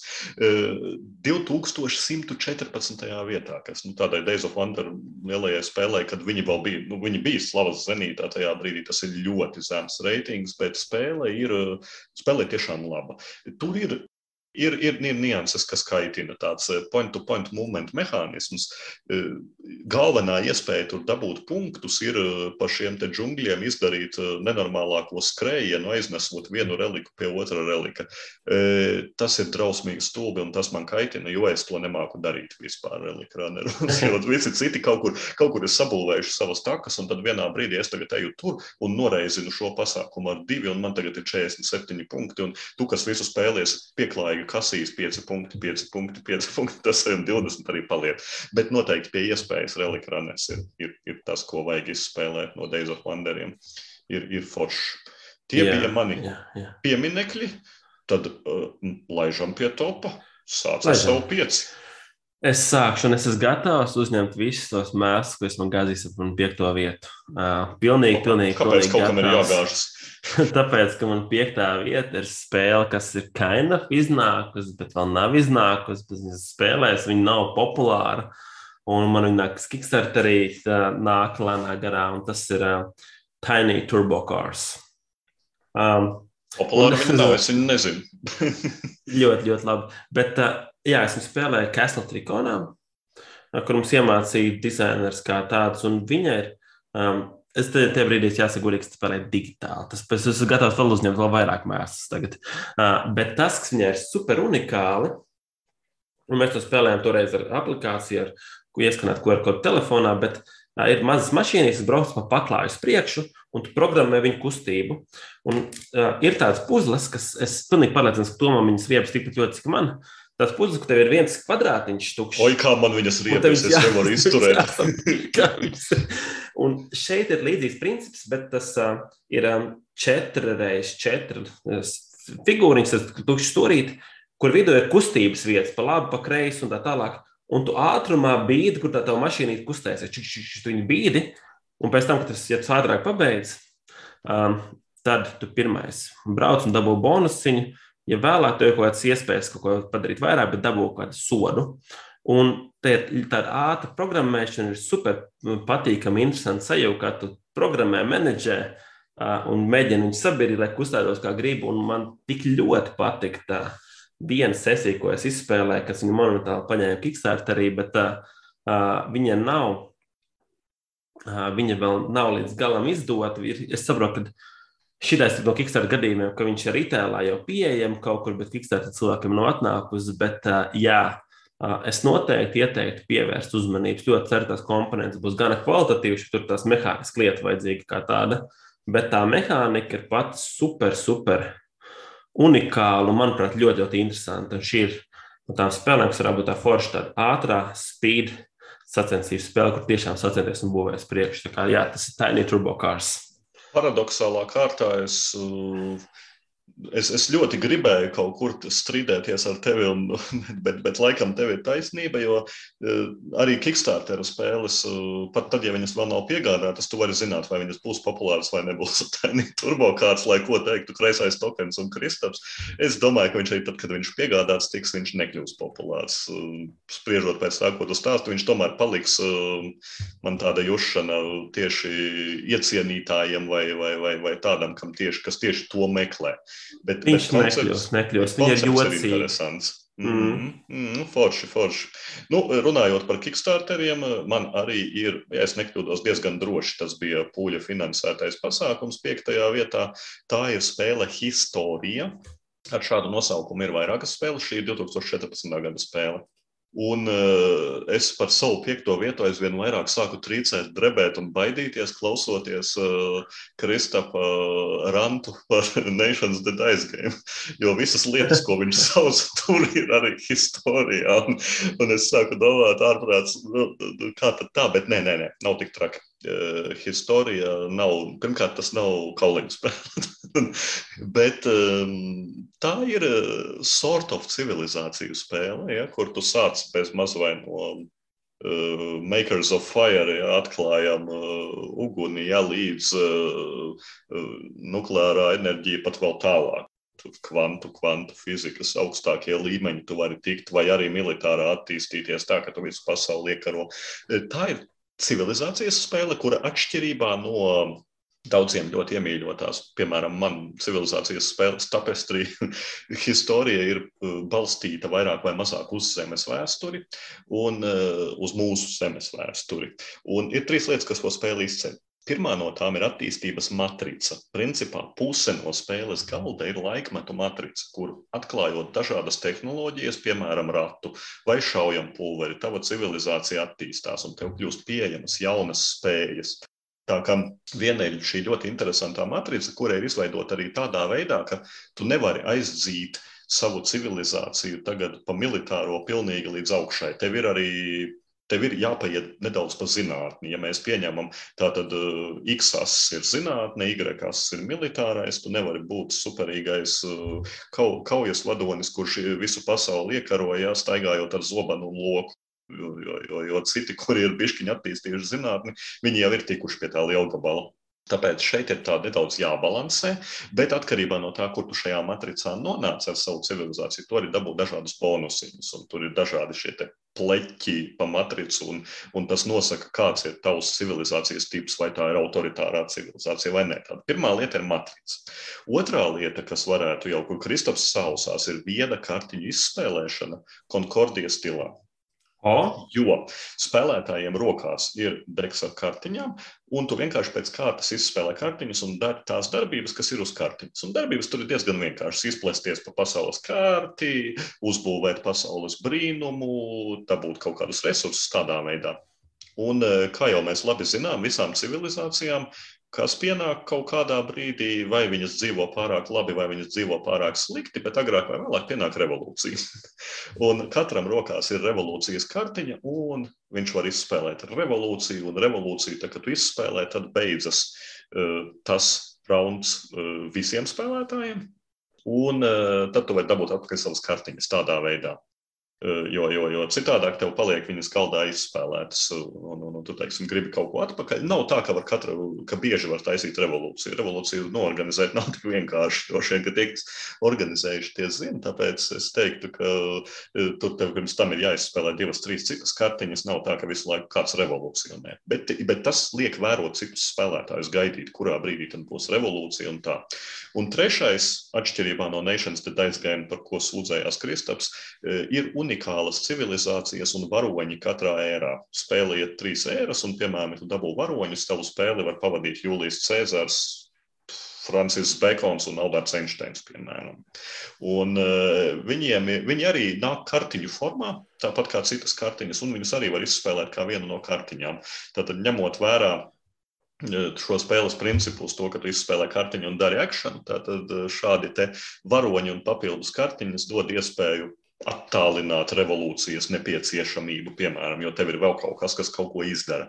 Un civilizācijas iekšā ir dažādas historijas spēlē, un, un tās ir relatīvi atšķirīgas. Viņām atšķiras šie kartiņu deki, ka tur romieši, kā jau parasti ir pieņemts, ir nedaudz labāki militārajā, eģiptieši laikam uz naudu un tādā veidā tiešām interesants eksperiments. Eh, ir, ir, ir zināmas līdzības ar tapestri, ir zināmas līdzības ar neišanu, bet es teiktu, ka tā īsti nekas viņam nav līdzīgs. Man līdz galam. Tā kā man piektajā vietā ir historija, kuras, starp citu, Borgiem Gigā ir 1577. vietā šobrīd. Tev man jāpalīdz, saprastu to vienu pasākumu. Es redzu, ka tur ir romieši, eģiptieši un tā tālāk, bet es redzu, ka tur ir bildē vienā Brūslī. Ko tu dari Brūslī? Uh, manā versijā Brūselī nav. Tāpēc, okay. bet, bet, bet ja, ja ņem vērā, ka tas bija Kickstarteris, tad varbūt tur bija, e, tur varētu būt Brūslī. Tāpēc, ka, mhm. -huh. ja tas ir līdz nākotnē, piemēram, tad, tad jo, kā mēs varētu... zinām, nākotnē uh, reinkarnēsies. nu, negluži, bet tas nozīmē, ka tur varētu būt uh, kaut kādi tēli, gan dažāda mm -hmm. veida populāri zināmie, bet savā kopijā Brūsu Lies neesmu atradis. Iespējams, ka viņš riktīgi labi slēpjas visdrīzāk. jā, jā, tas bija, tas bija, bija Amazonas redz, tur, tur seši nopietni romieši, Borgen Gika un augšā bilde Brūsu Lītais, ko ir trika. Ok, mm. paši. Izskatās interesanti. Es noteikti nevarētu izspēlēt šo, ja godīgi.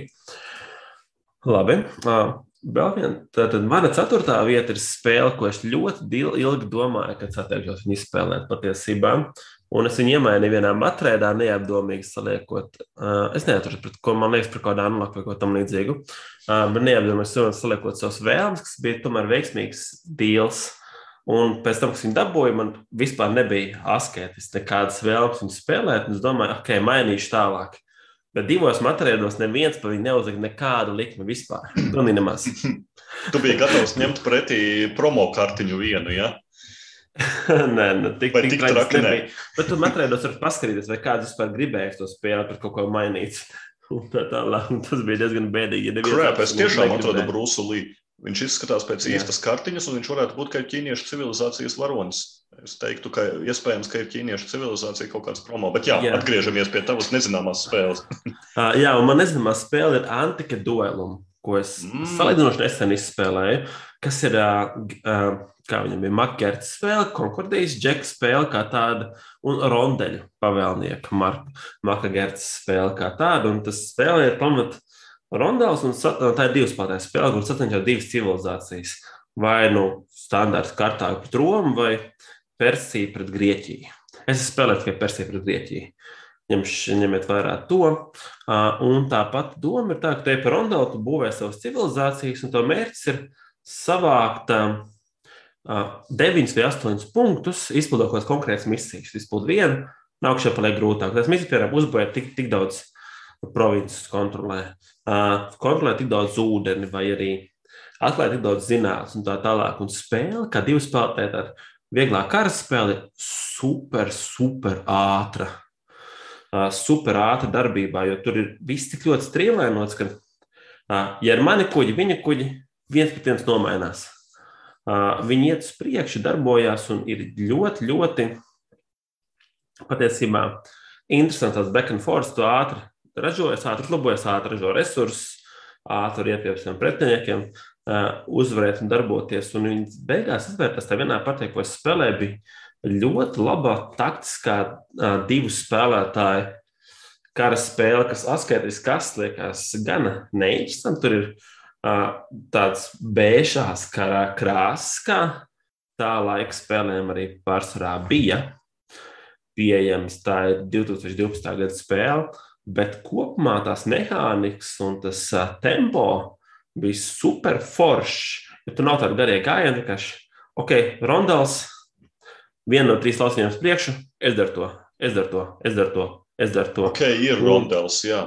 Es izpētīju entās bildes un domāju, man Gerts ir, bet es nekur neredzēju rondeli atradu. Viņš ir kartē augšējā stūrī. Jā, jā, jā, kartē okay. augšējā stūrī. Un viņš ir mm. tāds mazs un interesants. Tā foršā lieta ir gan tie mērķi, kas tev jāsasniedz, ja tu sasniedz pretiniekam paliek mazliet grūtāk nākošo sasniegt, gan arī tas, ka līdz ko pretinieks sasniegs mērķi, tu vari paņemt vienu no trim čītu kartiņām, kas tev dod tādu mazu catch-up mehāniku kā tādu. Uh, un, foršā.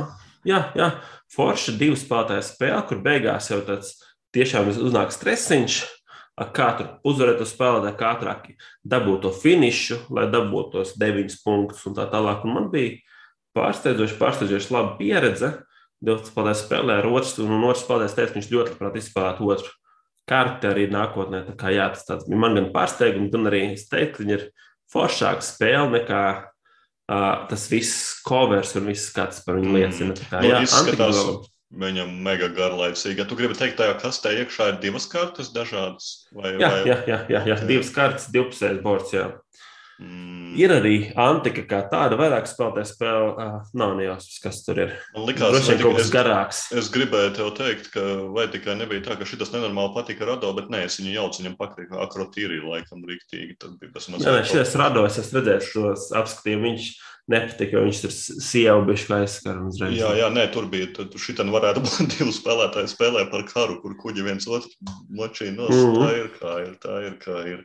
Jā, labi, labi, mana ceturtā vieta ir Perry Rodan, The Cosmic League.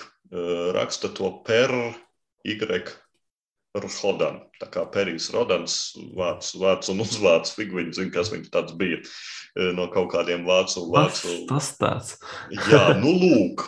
Tāpēc mēs šo topu veidojam, lai atrastu šo visu patiesībā klausītājiem, kuri ir zinātāji. Man nevajadzēja pa burtiem. Tas bija, lai Kristaps varētu fonā Bordgame. Tas bija man, jā. jā. Jā, jā, protams.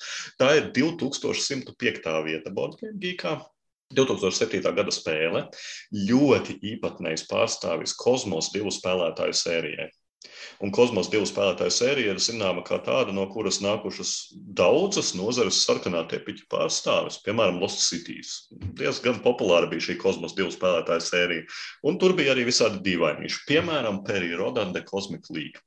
Šī ir ļoti specifiska spēle, pick-up and deliver mehānisma žanrā, kā jau daudzas kosmosa spēles. Nu, ar kosmosu es domāju, kā universāls, nevis kā izdevēja kosmos. Uz kosmosā kaut kā visiem patīk iedomāties, kā viņi ar riktīgu kuģi pārved uh, 20 mērkaķus, vienu vūkiju, 40 eļļas mūcas ja, no vienas planētas. Tas rausmīgi neefektīvi.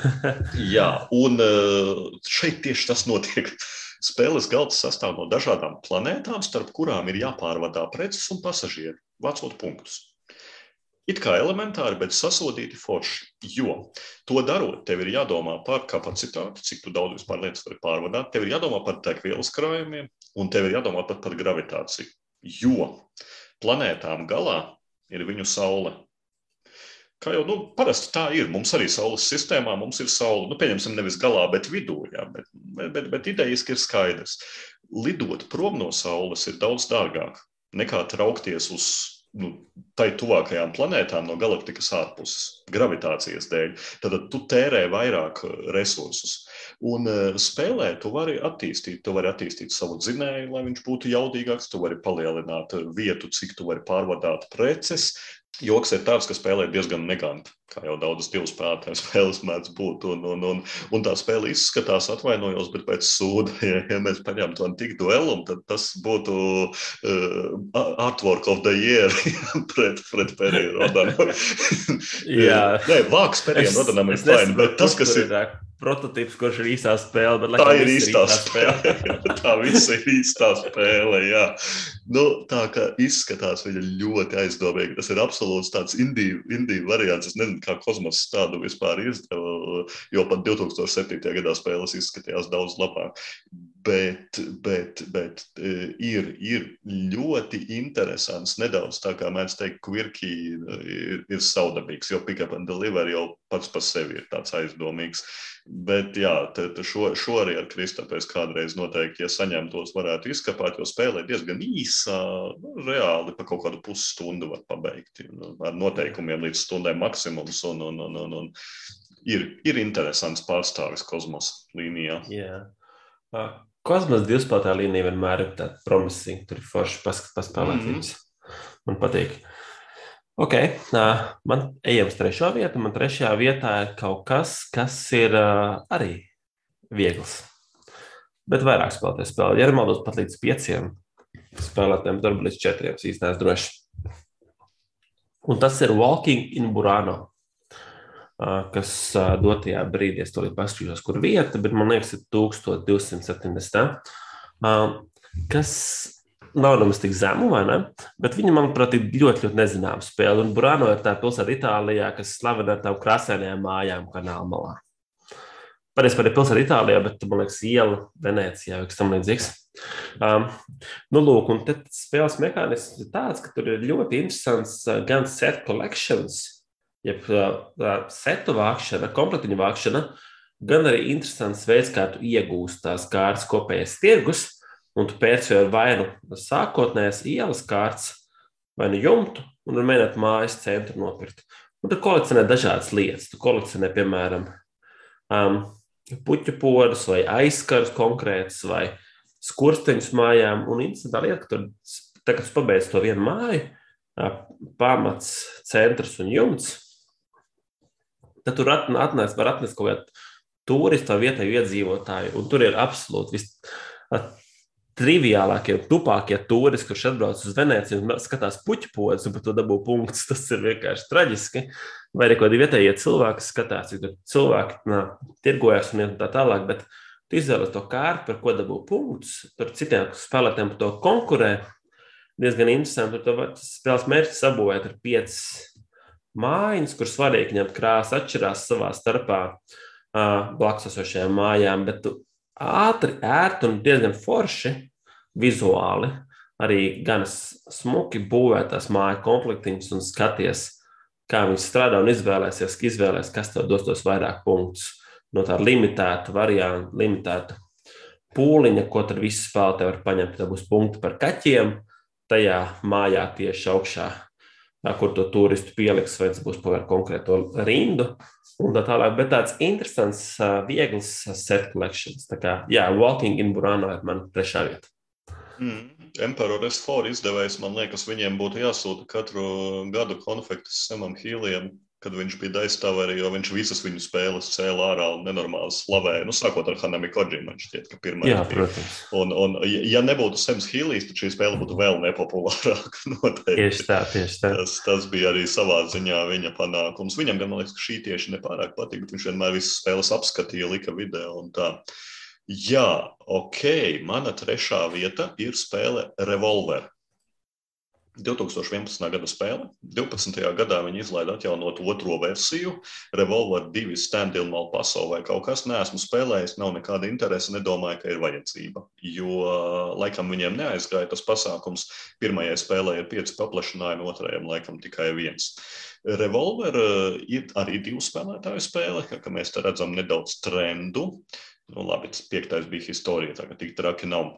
Un eh, šī ir spēle, kur eh, spēlētāji viens pārstāv likuma sargus mežonīgajos rietumos, un viens pārstāv Džeka Koltija bandu ar, ar rīkļu rāvēju banda, kurus eh, likumsargi visus grib pakārt, nošaut vai vienalga kādā veidā izlīdzināt.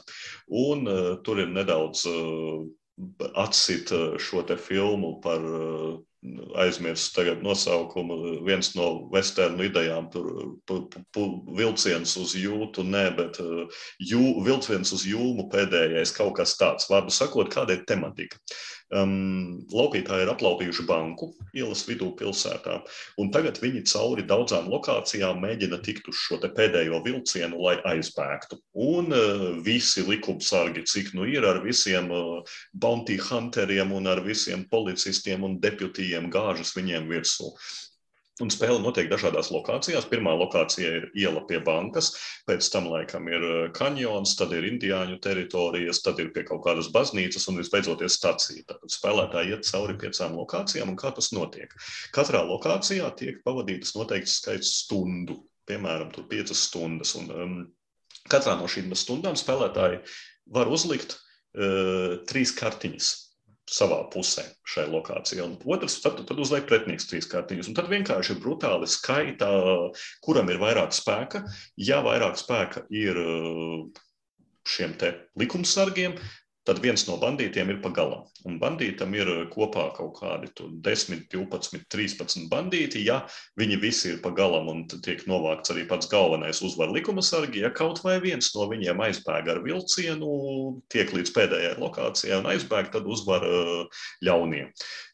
Protams, ka galvenā sāls visā šajā spēlē ir pašas kartiņas un to spējas. Jo ir pilns visādi. Ir uh, likumsargiem dažādas kartiņas, kuras izspēlējot, tu vari piesaukt citus likumsargus.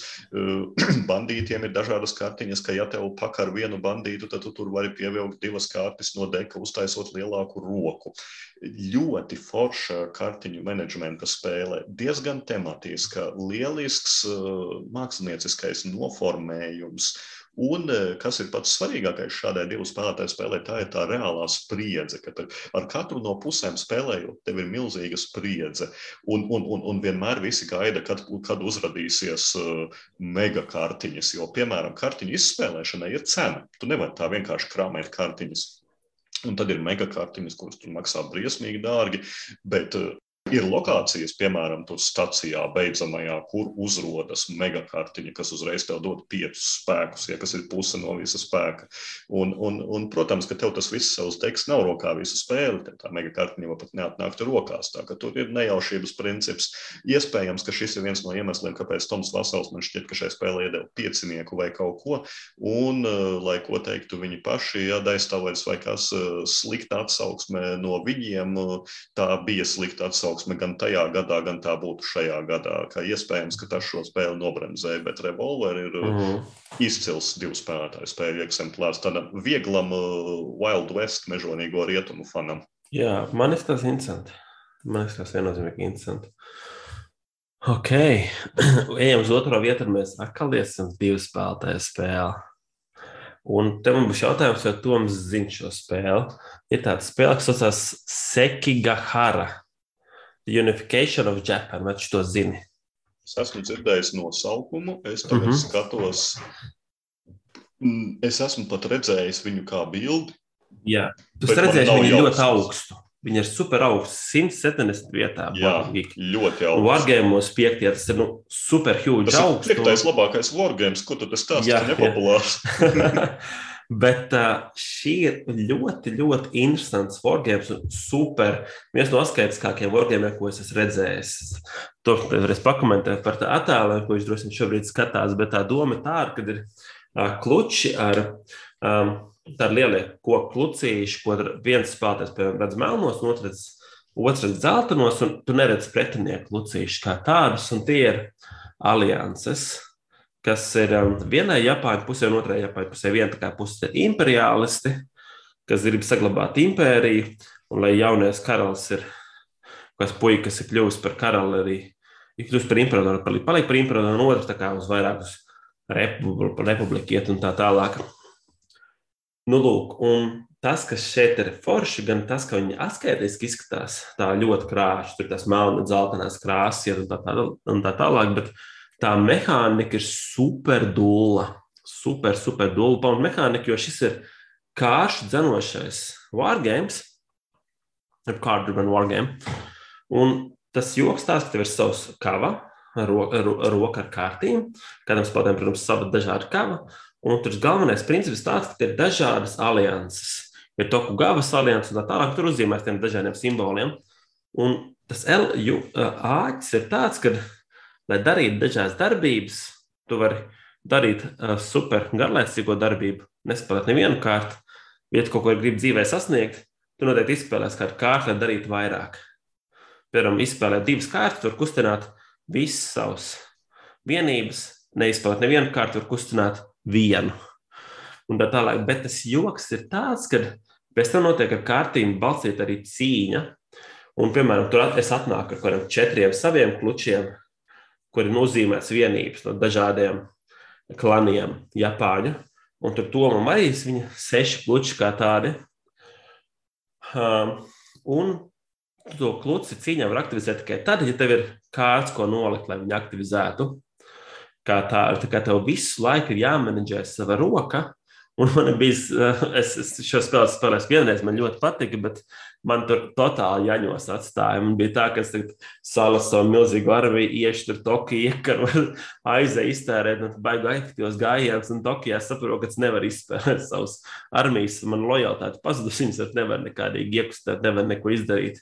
Bet jā, interesanti mehānika. Priekškara spēles ir ļoti maz noteikumu grāmatā. Ir ātri iemācīties, bet ir tāds foršs tug of war, jo mēs tam uzvaras veidiem pretinieku ģenerāli uzvarēt un novākt, un tu nezini, kurš viņš ir. Jo tur neredz tās pretinieku lauciņas, bet viņš pamazām uzzina un saprot un darbojas tajā skatā. Plus tā kāršu rokas mehānika ir ļoti, ļoti interesanta. Kā arī, ja jūs paskatieties, Pornogrāfijā Sekiga Hara, viņa asketiski tas superīgi. Tu Japānas kārti ir tie lielie kruči, kas tur iet un darbojas un strādā, un tur ir dažādi ceļi, kur tur iet un tā tālāk. Tā kā, jā, šī man bija ļoti laba pieredze, ārkārtīgi labprāt uzspēlēt vēl kādreiz. Visi tie krucīši ir koka vai ne? Jā, jā, jā koka krucīši man tur bija uzlīmīta. Jā, jā, jā, jā, tad divi spēlētāji kara spēle, tad vienkāršāk noteiktiem standartiem, kas, ko mēs ik pa laikam pieminam, Hannibals vai mm. uh, Nē, pēc noteikuma. Pārlaiž struggle. Mm. Jā, pēc, šodien, pēc šodienas tematikas par sarežģītībām es teiktu, šī tāda baby kara spēle 2,8. Tas tāds izklausās jā, pēc jā, Seven jā, Wonder, bet mazliet, nu labi, tik jā, traki, bet... ne, bet, nu. Taktiski, asketiski, forši noteikti, iesaku pamēģināt kādreiz, ja viņu ja kaut dabūt. kur var tādu atrast vai dabūt. Tieši Tas ir tā. GMT nozīmē, ja tu dabū, viņi maksās vismaz 80 eiro. Jā, jā, vai arī viņi var mēģināt izsist kaut kādā pasūtījumā, lai čūpiņu spēlētāju. Jā, bet, bet forši, un atšķirībā no daudziem karaspēlēm, kur tev jāmāca pusdienu, viņi ir ātri iemācām divi tā izspēlēt, un obligāti četri spēlētāji jābūt. Un es noteikti, noteikti rekomendēju izspēlēt mm. kādreiz. Jā, mana otrā vieta ir šodien jau pieminētā, un tas ir gift trap. No, no, no lieliskās pieredzes ar akmens laikmeta vēsturi es neko nemācījos, jo es joprojām to uzskatu par sasodītu labu spēli.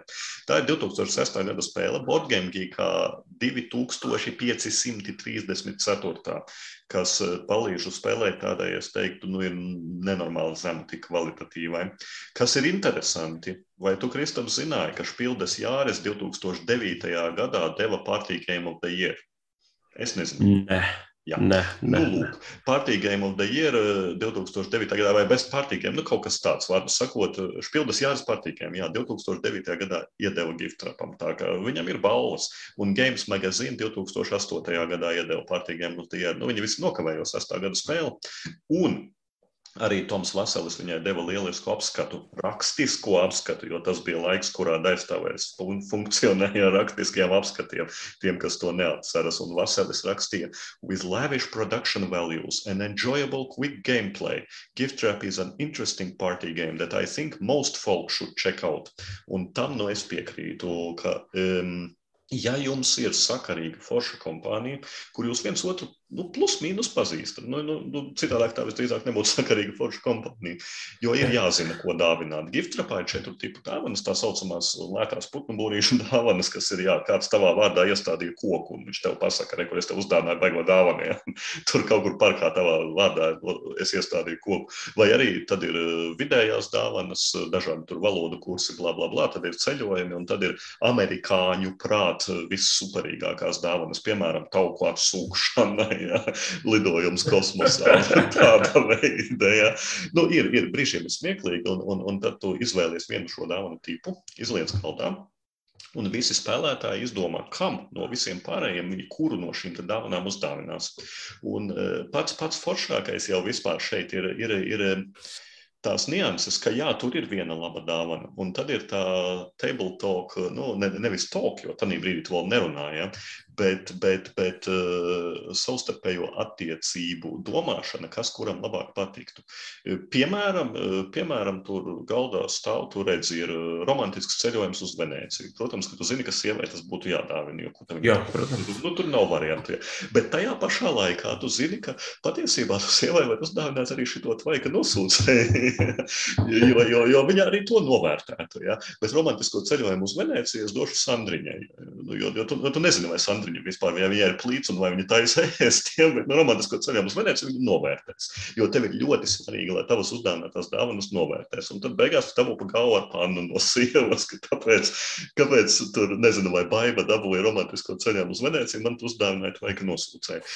Um, un, un, un uh, tu pats arī izvēlies pēc, pirms, pirms dāvana atvēršanas, kuras dāvanas tev patīk un kuras tev vispār nepatīk. Un tad var vaļā vienkārši šīs dāvanas un skatās. Tev ir jāmāk gan dāvanas dāvināt, gan saņemt. Par katru labi uzdāvināto dāvanu tu dzen sevi uz augšu kā dāvinātājs pa treku un eh, par katru labi saņemto dzen eh, kā saņēmējs. Un ja tādā brīdī, kad tas spēlētājs, kuram pirmajam satiekas pa abiem trekiem, uh, šīs dāvanas, tas arī uzvar ļoti vienkārša spēle, ļoti pozitīva spēle. Un tiešām bieži tiek vilkt ārā, un mums ir kompānijas, kur bez mazliet katru reizi viņu grib spēlēt. Un šī dāvanu miks, dāvanas ir ļoti daudz šajā spēlē, tāpēc, tāpēc spēlē ir noteikti atkārtojama, un katru reizi viņas iznāk savādāk. Tā kā giftra pavisam obligāti ballīšu spēļu cienītājiem jāiemēģina. Man izskatās interesanti. Es šobrīd neredzu, kā tu varētu kaut kādā galda spēļu pasākumā vai nometnē to iesmērēt cilvēkiem. Naktī es domāju, ka var būt, bet tad tev tiešām tie cilvēki ir jāzina. Es redzu, jā, teiksim, ar tevi, ar Gati, ja mēs varētu tur sēdēt, bet ar kādu cilvēku no malas, kurš tu nezini vispār, kas viņam patīk, nu jā, nu tu vari vērtēt, tad vari sākt vērtēt pēc dzimuma, pēc izskata, jā, vai tev vajag, jā, vai tev vajag tauku atsūkšanu, jā, vai, vai šitās botulīna injekcijas, kas tur vēl ir pa labākās dāvanas un tā tālāk. Ok, ok, ok. Bet eh, es labprāt uzspēlēju kaut ko noteikti. Okay. Nu, kas ir pati, pati, pati labākā nepopulārā spēle?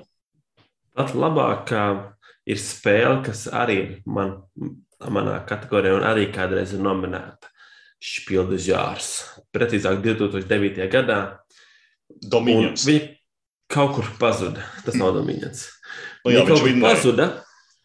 Un tā ir finka. Tu esi spēlējis finku? Kādreiz? Nē, es neesmu spēlējis finku. Un daudziem cilvēkiem problēma, ka viņi nav spēlējuši finku manuprāt, jo tas, ka Iespējams, tā ir manas dzīves lielākā problēma. Tieši tā, tieši tā. Un ir super interesanti mehānika. Tur ir tāds uh, mankalas, uh, liels rondels, kā tāds vairāk mankals, kur tev ir tavas krāsas cilvēciņi, un tas, cik cilvēki, un tur viņi iet tādi, iet par auglīšiem. Vīnogām, apelsīniem, kafiju, vīģēm un tā tālāk. Un ir svarīgi tikai divi lielumi tik tas, cik cilvēks ir tā lauciņa, piemēram, tur ir divi, tas cilvēks ir paiet divas lauciņas priekš, trīs, trīs lauciņas priekš. Un tur, kur viņš beidz, viņš dabū tik daudz resursu, citur cilvēks ir. Tā kā es paiet, un tur ir šis ir trešais cilvēks, viņš dabūja trīs citronus, piemēram. Un pēc tam es tos resursus varu izmantot, lai mainītu uz salas redzamu resursu. Tā kā tirdziņš, ko tu gribi, savā, piemēram, tur kārtas, kas prasa trīs vīģus un divas olīvas. Es sakrāju, īzī, maini un dabūju punktus. Un tad, nu, beigās to papildus punktu, ko var savākt, un tad elementi, tur pāriet pāri noteiktam laukumam, tad dabū ēzeli, kas tad var papildus iespējas, ja neiztērē dabū punktus, bet tā mankala ir tik interesanta, ka tu skaties, ko tev vajag, tie resursi salikt dažādās nejaušās vietās. Um, Un ļoti svarīgi, tur bieži vien ir tā, ka uh, tu aizej uz vīģi, pēc tam kāds atnāk uzreiz to tavu lauciņu, tad dabū divas vīģes. Un trešais klāsts sanāk, un dabū trīs vīģes, un tad vīģi pārprodukcija, un tu nezini, ko viņām iesākt un tā tālāk. Uh, un kopumā, kopumā, kopumā uh, man ļoti patīk, ka savā laikā mēs savā laikā uzdājām šo spēli vienkārši nejauši vieniem radiniekiem, un mēs spēlējām diezgan daudz.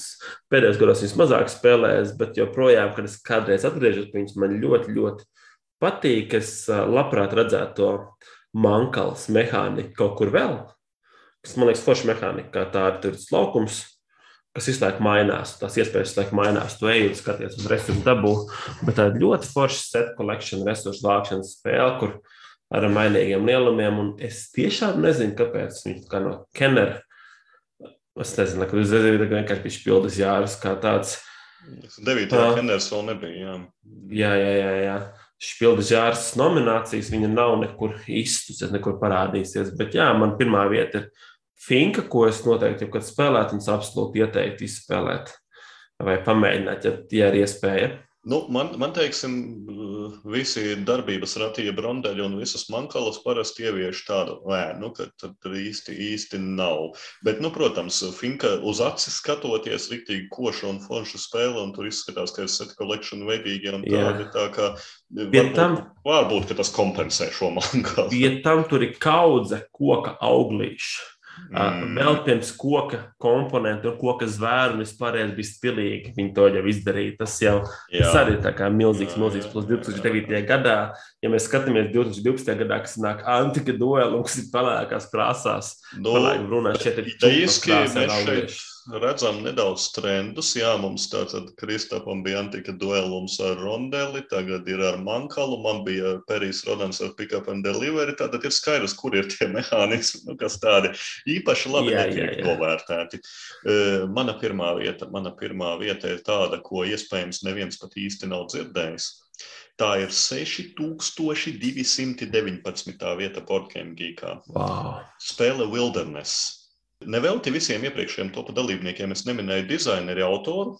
jo visiem tās bija viņu karjerā negluži vienīgās, bet augstāk vērtētās spēles. Tā ir arī Vildernes gadījumā. bet, Kristēta, es gribu tev pavaicāt, vai tev kaut ko izteiktu Daniels un Tomas Friksēlijus. Friksēlijus nebija. Vai varbūt Friks Games drīzāk kā kompānija kaut ko izteiktu? Es nezinu, es Friksēlijus esmu kaut kur dzirdējis. Kaut kur dzirdēts, vai ne? Tikai jautājums, Jā, kurš? jā, jā, jā. Es nezinu, cik daudz ir dažādu Friksēlijus, ja? jo pie Vildernes ir strādājuši Daniels Friksēlijus un Tomas Friksēlijus. Jā, Vēl ir arī Jākops Friksēlijus un Izaks Friksēlijus. Ja? Jā no tā kā teikt, trakā kristiešu spēle. Nē, nē, nē. Ja, ja- šitie visi friksēlijos ir četri brāļi vai citi radagabali, kas sadalījās divās komandās, ja, un draudzīgā sacensībā katra komanda mēģināja uztaisīt populārāko un finansiāli sekmīgāko spēli. Tad tas izdevās Jakobam un Īzakam, jo viņi uztaisīja ne vairāk, ne mazāk kā Terraforming Mars. Mm, Friks Games jā. ir Terraforming Mars. Bet šodien mēs runājam par Danielu un Tomasu nu, Antiņu veikumu, jau 7000 spēle Wilderness, kas bija krietni pirms Terraforming Mars. Uh, šī spēle ir, es teiktu, viņa ir, jāsaka, amerikāniski absolūti crazy. Viņa ir, viņa ir tik sasodīta, nežēlīga un tematiska. Kāda ir spēles būtība? Tevi nosviež uh, brīvā dabā, tu esi pliks nomests, nu, ne dzīvē, bet uz galda spēlē. Tu esi aplaupīts un atstāts nomiršanai kaut kur. Tu nezini, kur tas ir. Tev nav drēbes, tev nav ekipējuma, un tev ir vienkārši jāiet, kamēr tu nokļūsti kaut kādā civilizētā ciematā. Vai arī tu nomirsti no slāpēm, bada vai pārguruma, vai tevi saplosa šitie visādi plēsīgie zvēri, vai tu nogrimsti purvā. Šī spēle ir absolūts nežēlības paraugs. Un eh, kas ir pats interesantākais, ka šajā spēlē nav tā, ka nežēlīgi ir pret tevi citi spēlētāji, jo katrs, eh, katrs mokās tik briesmīgi, ka citi spēlētāji nav pat vajadzīgi. Um, Tas vien, kā izskatās šis spēlētāju galdiņš, ja, uh, ir trīs rādītāji. Uh, ir slāpes, ir bats un ir spēku izsīkums. Optimistiski.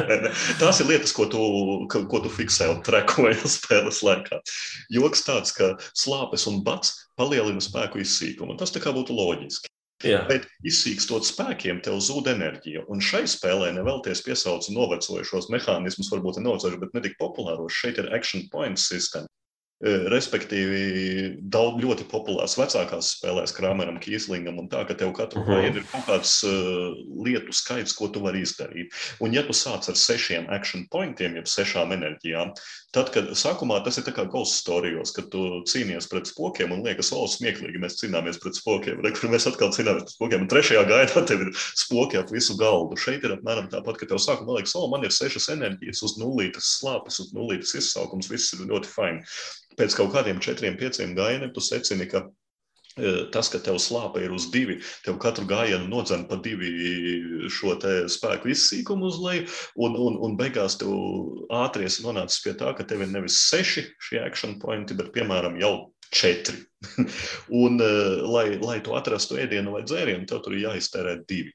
Vārdu sakot, tu visi spēlētāji uz tā galda, viņi vienkārši lēnām mirst nostrāpojot pa, pa, pa teritoriju. Un šīs te teritorijas arī ir dažādas. Ir kalni, kuros, protams, ir grūtāk uzkāpt augšā, vairāk enerģijas tērējot. Un tas arī diezgan veiksmīgi ir salikts uz šī galda, ka tu vari iet caur kalniem, iet it kā ir ātrāk, bet tajā pašā laikā daudz grūtāk, un tu tērē vairāk enerģijas. Mežā tu vari izmisīgi mēģināt atrast kaut kādas ogas pie upes. Ja, te, ja tev izdodas uzdurties uz kādu upi, tad tu vari padzerties. Un, un, un, un tad pienāk nakts. Naktī tu vari gulēt un atjaunot enerģiju. Bet, ja tev nav ēdiena un ūdens, tad tu pamosties vēl vājāks kā vakarā. Jo tu it kā atjauno enerģiju, bet tu pamosties un tev noņem nost par to, ka tev ir bats un slāpes. Un eh, tā, lai, lai liekas, ka, nu, ja, ja kādam vēl liekas, ka tas viss ir super viegli, tad tur vēl ir dzīvnieki, kuri vazājas. Tur vazājas vilki, čūskas un lāči. Un viņi iet parasti, viņi iet vai nu randomā, vai viņi iet pie tuvākā spēlētāja. Man joprojām vienmēr smieklīgi ir atcerēties, ka ir spēlētāji, kuriem uh, jā, ir tāds rupšs latviešu vārds, bet nu, piesienas, jā, piesienas vilks, jā, un tu viņu tā kā atsit, un viņš tev bišķiņ tur sakož, un viņš aiziet citā virzienā, un nākamā naktī viņš ir atpakaļ spēlētājs pagājis divus lauciņus, un katru nakti nāk tas vilks un nograuž kādu gabalu no viņa nost. Uh, jā, nu, super nežēlīga spēle, ļoti tematiski, es teiktu, mehāniski iespējams novecojusi nedaudz, bet, bet, bet, man, uzvar tas, kurš izdzīvoja. Ja? Uzvar, uh, uzvar uh, tas, kurš vai nu tiek līdz ciematam, vai arī tas, kurš pēdējais ir palicis dzīves. Bet es pat okay. neatceros tagad precīzi no noteikumiem, vai tikai nebija tā, ka tad visi ir zaudējuši. Jo kādam tomēr ir jātiek līdz tam ciematam. Ja tu neties līdz ciematam, tad tu esi zaudējis. Šī man liekas bija tā spēle, kur vai nu variants, vai kas bija pateikts, ka, ja tu netiktu, visi spēlētāji būtu zaudējuši. Varbūt, ka es kļūdos. Un katrā gadījumā ir, ir, ir daudz interesantu lietu Vildernes spēlē, un arī dažādībai var veidot garāku. Ja kāds grib mocīties ilgāk, var taisīt uh, sešus uh, lauciņus attālumu no vietas, kur tu pamosties līdz ciematam. Var likt trīs lauciņus, tad būs vieglāk noteikti. Tā ka var arī to variēt. Jā. Man liekas, ka šo spēli vienreiz kaut kādās uh, korporatīvajā spēļu vakarā piedāvāja cilvēki. Uh, vai arī kaut ko ļoti līdzīgu vizuāli. Viņi vizuāli izskatās absolūti traģiski. Uh, bet bija kaut kāds tur vandīšanās riņķi apkārt un tā tālāk. Un es, te, es paskatījos, viņi domāja, nu nē, Nē, nē, nē. Viņai ir episks piedzīvojums. Viņai ir episks piedzīvojums tieši smieties gan par savu nožēlojamību, gan par jā, citu spēlētāju. Kā viņi tur kurš mokās kaut kādā stūrī, kāds ir iesprūdis starp kalniem un nevar no turienes izlīst, jo viņam nav enerģijas, lai pārkāptu pāri kalnam. Tad viņš velkas atpakaļ e, pa pļavām, mēģina atrast kādu mhm. ēdienu. Cits tur otrā kartas pusē cīnās ar lāci katru dienu. Vēl kādā oh, sakot, tas šūs, ka viņš mētājas. Tik rēcīgi. Ir. Ah. Ir. ir. Ah, izcili, izcili. Es gribētu izmēģināt. Ok, ļoti, ļoti labi. Pirmā vieta. Ah, es droši vien izaicinātu mūsu klausītājus iemest komentāros spēli, par ko mēs nesam ar to dzirdējuši. Vispār, nu, kur, Jā, kur nu spēlējuši, dzirdējuši, aiziet, pamēģiniet. pamēģiniet. Un vēlams arī labu. Nu, tādu, jā, ko jūs vērtējat augstu. Nē, viņš pašs nevis vienkārši paskatās. jā, jā, jā. Viņš spēlē un iemet kaut ko, ko neviens, ka dzīve nav redzējis. Bet, uh, jā, tas būtu rītīgi forši. Mums uh, klausītāji var iemest iekšā mm. komentārā. Bet, jā, un šis... gan cardboardā Kristofam uzmācieties virsvaru spēlēm, par kurām viņš nav dzirdējis, un lieciet viņam spēlēt. Jā. Redzēs, vai viņš jums ļausies, bet, bet, bet jums ir visas iespējas. Tas bija mūsu aprīlis, aprīļa epizode. Es teiktu, ka jāgatavojas tiem, kas gatavojas gan kārtpārdam, pārējie visi uz Facebook ierakstīt spēles, kuras mēs neesam dzirdējuši un kuras būtu jānomēģina. Un no manas puses tas ir viss. Tieši tā. Jā, beidzam šo ziņu. Atā, tā. Atā.